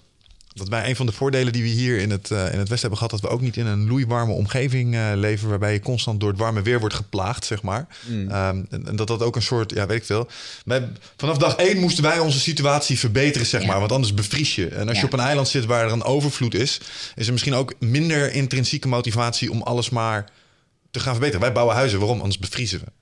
Snap je? Dat daar een soort verschil in zit in, in de omgeving waar je in principe in bent ontwikkeld. Snap je wat ik zeg? Ja, je Ja. pas je aan aan je omgeving. Ja. Ja, en dat daar dat verschil in zit. Want jij zegt, ja, als dan eh, zeg maar eh, Europeanen of Westelingen kopen, dan is dat in één keer een, eh, een driver voor verandering. En dan, dan denk ik, maar waarom doen die mensen dat zelf niet? Nou, maar je, er, is een, een- er is een intrinsieke motivatie om gewoon te overleven. Het is Ja. goed, er is genoeg eten, we hebben onderdak, het is lekker tropisch weer. Eh, of hey, we gaan geld verdienen en we, gaan, we willen dit en dat en dat. Want geld verdienen, to- net als in die jungle, 30 jaar geleden bestond er nog helemaal geen geld. Nee, maar maar ik, misschien ik kunnen heb we jou die vraag wel dat, dat zo gauw als er vreemde energie in een community komt. Hè, hè, als jij in dat hele kleine indianendorpje zit, waar alles nog is zoals het altijd was, geen probleem. Maar zo gauw als daar een vreemde energie in komt, hè, die ik dan eh, zeg maar bij ons in Peru gedoopt heb, het plastic leven van, eh, van Amerika, hè, wat, wat, wat natuurlijk in Peru. Dan komt daar een energie, dan zijn mensen niet meer tevreden met wat ze hebben, dan gaan ze het buiten zichzelf zoeken, dan is er, dan gebeurt er, een, dan Oké. start er een proces. Dat snap ik. Ja. Maar waarom moet jij aankomen daar om daar scholen en dat soort dingen te zijn? Want het potentieel was er. Alles lag er al om het te kunnen doen. Maar jij moet er aankomen en dan was, gaat het gebeuren. Wat is dat dan? Waarom is er niet zelf iemand die daar zegt... Hey, weet je wat we gaan doen? We gaan die gewoon op scholen bouwen. We- Is het onkunde? Weten ze het gewoon Nou, niet? maar dat is zo erg, omdat er zoveel armen zijn in Peru. En daar zit weer dat stukje cultuur. En dat is maar een hele kleine minderheid die het goed heeft. Daar begint nu ook een middenlaag op te staan de laatste tijd. Maar als je weet dat van de werkende bevolking in Peru... Ja, weet je hoeveel er op de loonlijst staat? Hoeveel procent? Ja, als je het zo vraagt, vast niet heel erg veel. Noem eens iets. Het eerste wat in me opkomt is 5%. Iets, iets schrijnend laags. Ja, schijnt laag. 13, 14 Oké, procent. ja. Van de wer- werkende bevolking. Ja, dat is heel erg. Nou, dat is heel erg heftig. Ja. Het is gewoon werkeloos in principe. Ja. Ja. Maar is dat dan, dat zijn echt wel mensen die dan geregistreerd staan? Ge- Ja, en die Ook dan het ja. minimumloon hebben, die ook eh, verzekerd zijn, noem maar op. Al die anderen, ja, die zitten daar zwaar onder. Dus het is zo'n uitzichtsloos bestaan. Dat zijn een boel mensen. Het zijn en dat 31 zijn miljoen. heel veel mensen. Ja, het zijn 31 miljoen mensen. Dat is echt een bol. Het probleem is eigenlijk te groot om, eh, om in een, om in een ehm, generatie op te lossen. Dat is veel te groot en dat lossen we ook niet op. Maar als je dan ook niet de kans krijgt, dus en er komen een heleboel vreemde invloeden binnen, je krijgt ook niet de kans om mee te groeien met die invloeden. Want de kindjes die bij ons op school zitten, die groeien mee. Hè, die krijgen computerles, die leren Engels, ze krijgen ook nog Quechua, want hun eigen eh, culturele identiteit is heel belangrijk.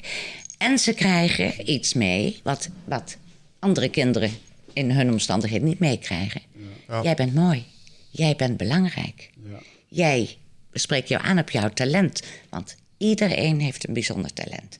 En jouw talent is dat, daar gaan we iets mee doen, daar gaan we mee woekeren. Dus dat is wel even een heel ander verhaal. Dus die kinderen kunnen uit gaan waaieren om straks weer andere kinderen ook dat mee te geven. Maar als jij een wegwerpkind bent, hè, want er is eigenlijk niet genoeg geld om eten voor jou te kopen. Het leven is zo zwaar en uitzichtsloos. Nou, pa drinkt, ma drinkt om de ellende maar te vergeten. En jij weet niet wat liefde is en je krijgt nooit respect. Of je bent. Nou, dan, dan ben je wel ontevreden. En je je krijgt koud. al die negatieve invloeden hè, van de televisie ja. staat aan en weet ik wat. Heftig hoor. En dan ook, dat kom je weer op dat stukje onleren. Als je nooit is geleerd om dingen lief te hebben of elkaar, Ja. dan is het zo moeilijk Nou, en dat is om een het. relatie te starten Ja. Ja. En, eh, en dat ook te uiten naar anderen. Dat is wel gewoon... eh, En wij zien onze kindjes binnenkomen. Die komen bij ons binnen.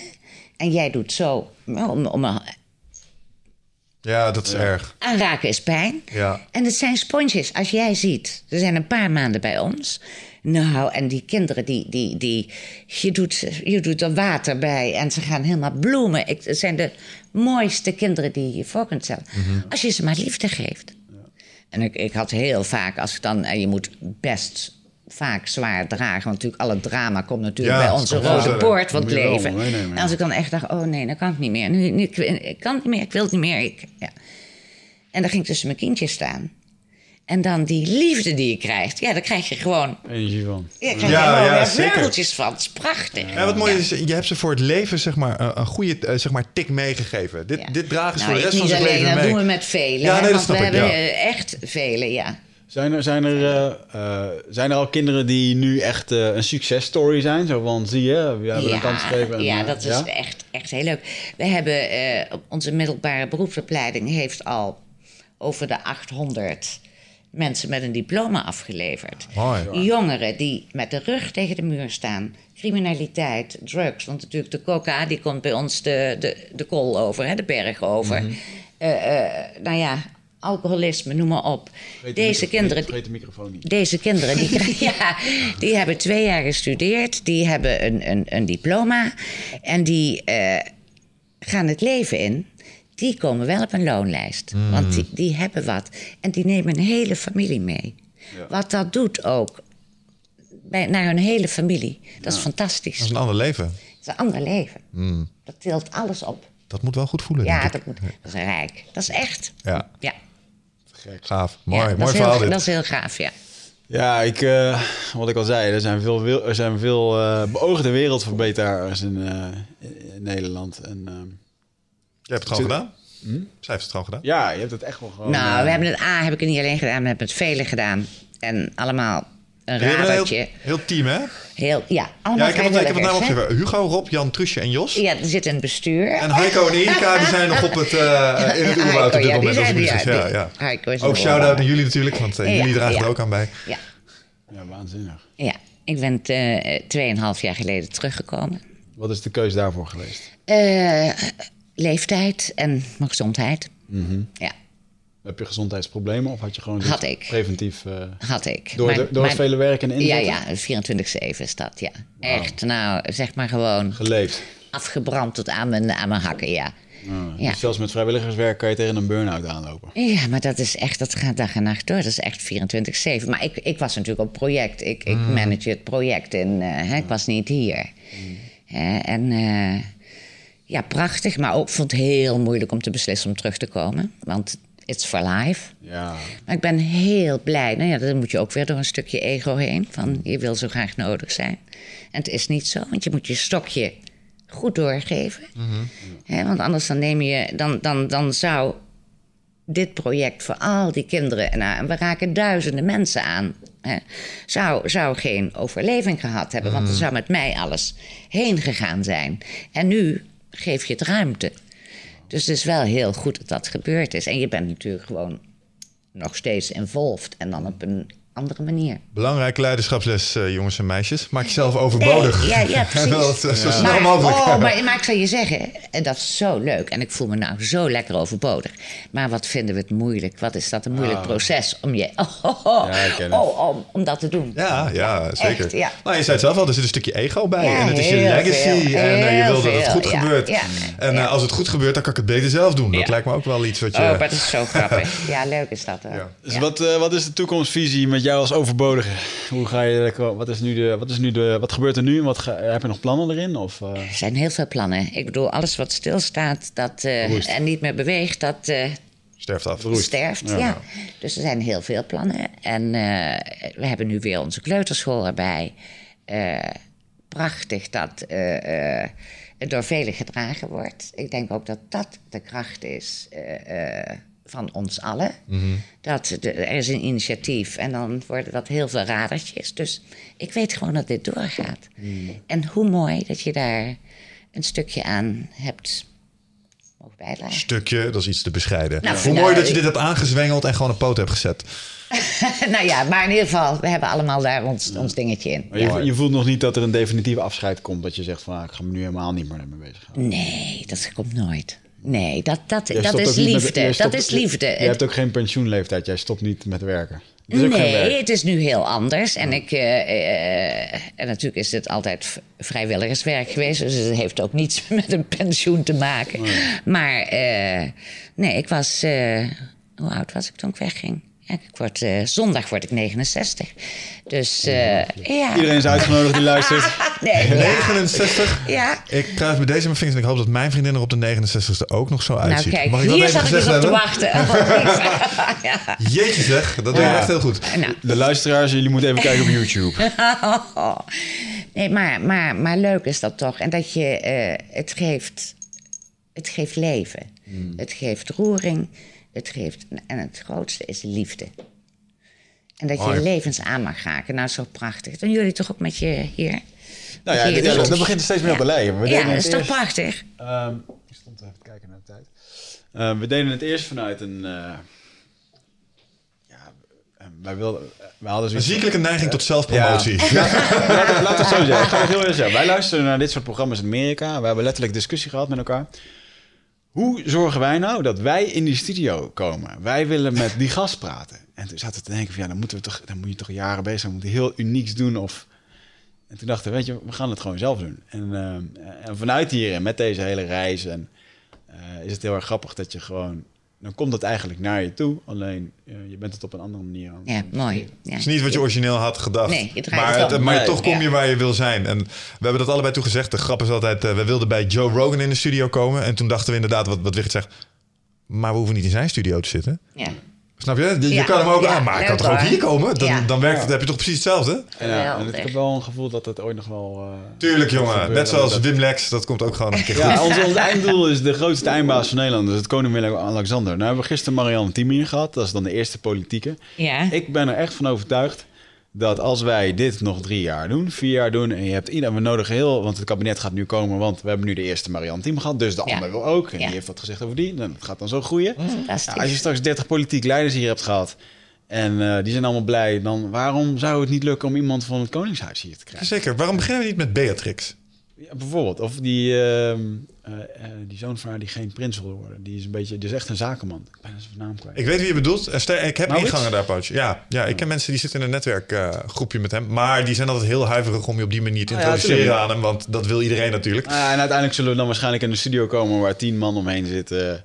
Die dan Veiliging. kijken wat je zegt. En dat is helemaal prima. Dat mag ook. En dan komt het op die manier. Maar ik ben ervan overtuigd dat het niet onmogelijk is. We, we, wo- we wonen in Nederland. Weet je? We kun- er zijn gekkere dingen in Nederland gebeurd. Tuurlijk.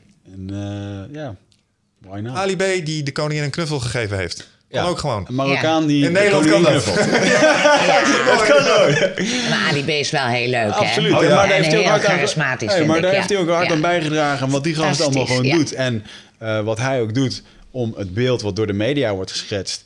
Eh, om daar positief invloed op uit te Ja, oefenen. fantastisch. Dat, eh, Ja. dat, ja, dat is wereld. Ja. Ik denk dat wij Marnix zo even moeten appen dat we de man eens een keer gaan vragen. Ali B, ja. Misschien wil Dat hij is wel. interessant, ja. Dat zou mooi zijn. Wat doet Marnix nu voor jullie? Want daar had ik contact mee. Ja, Marnix is, eh Marnix is op zich ook wel een mooi verhaal.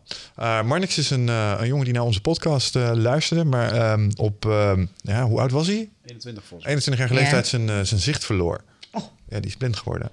Eh, maar hij luistert wel naar de podcast. En eh, toen wij op een gegeven moment eh, iets te druk werden met alles wat we deden, hadden we wat versterking nodig op dat eh, gebied.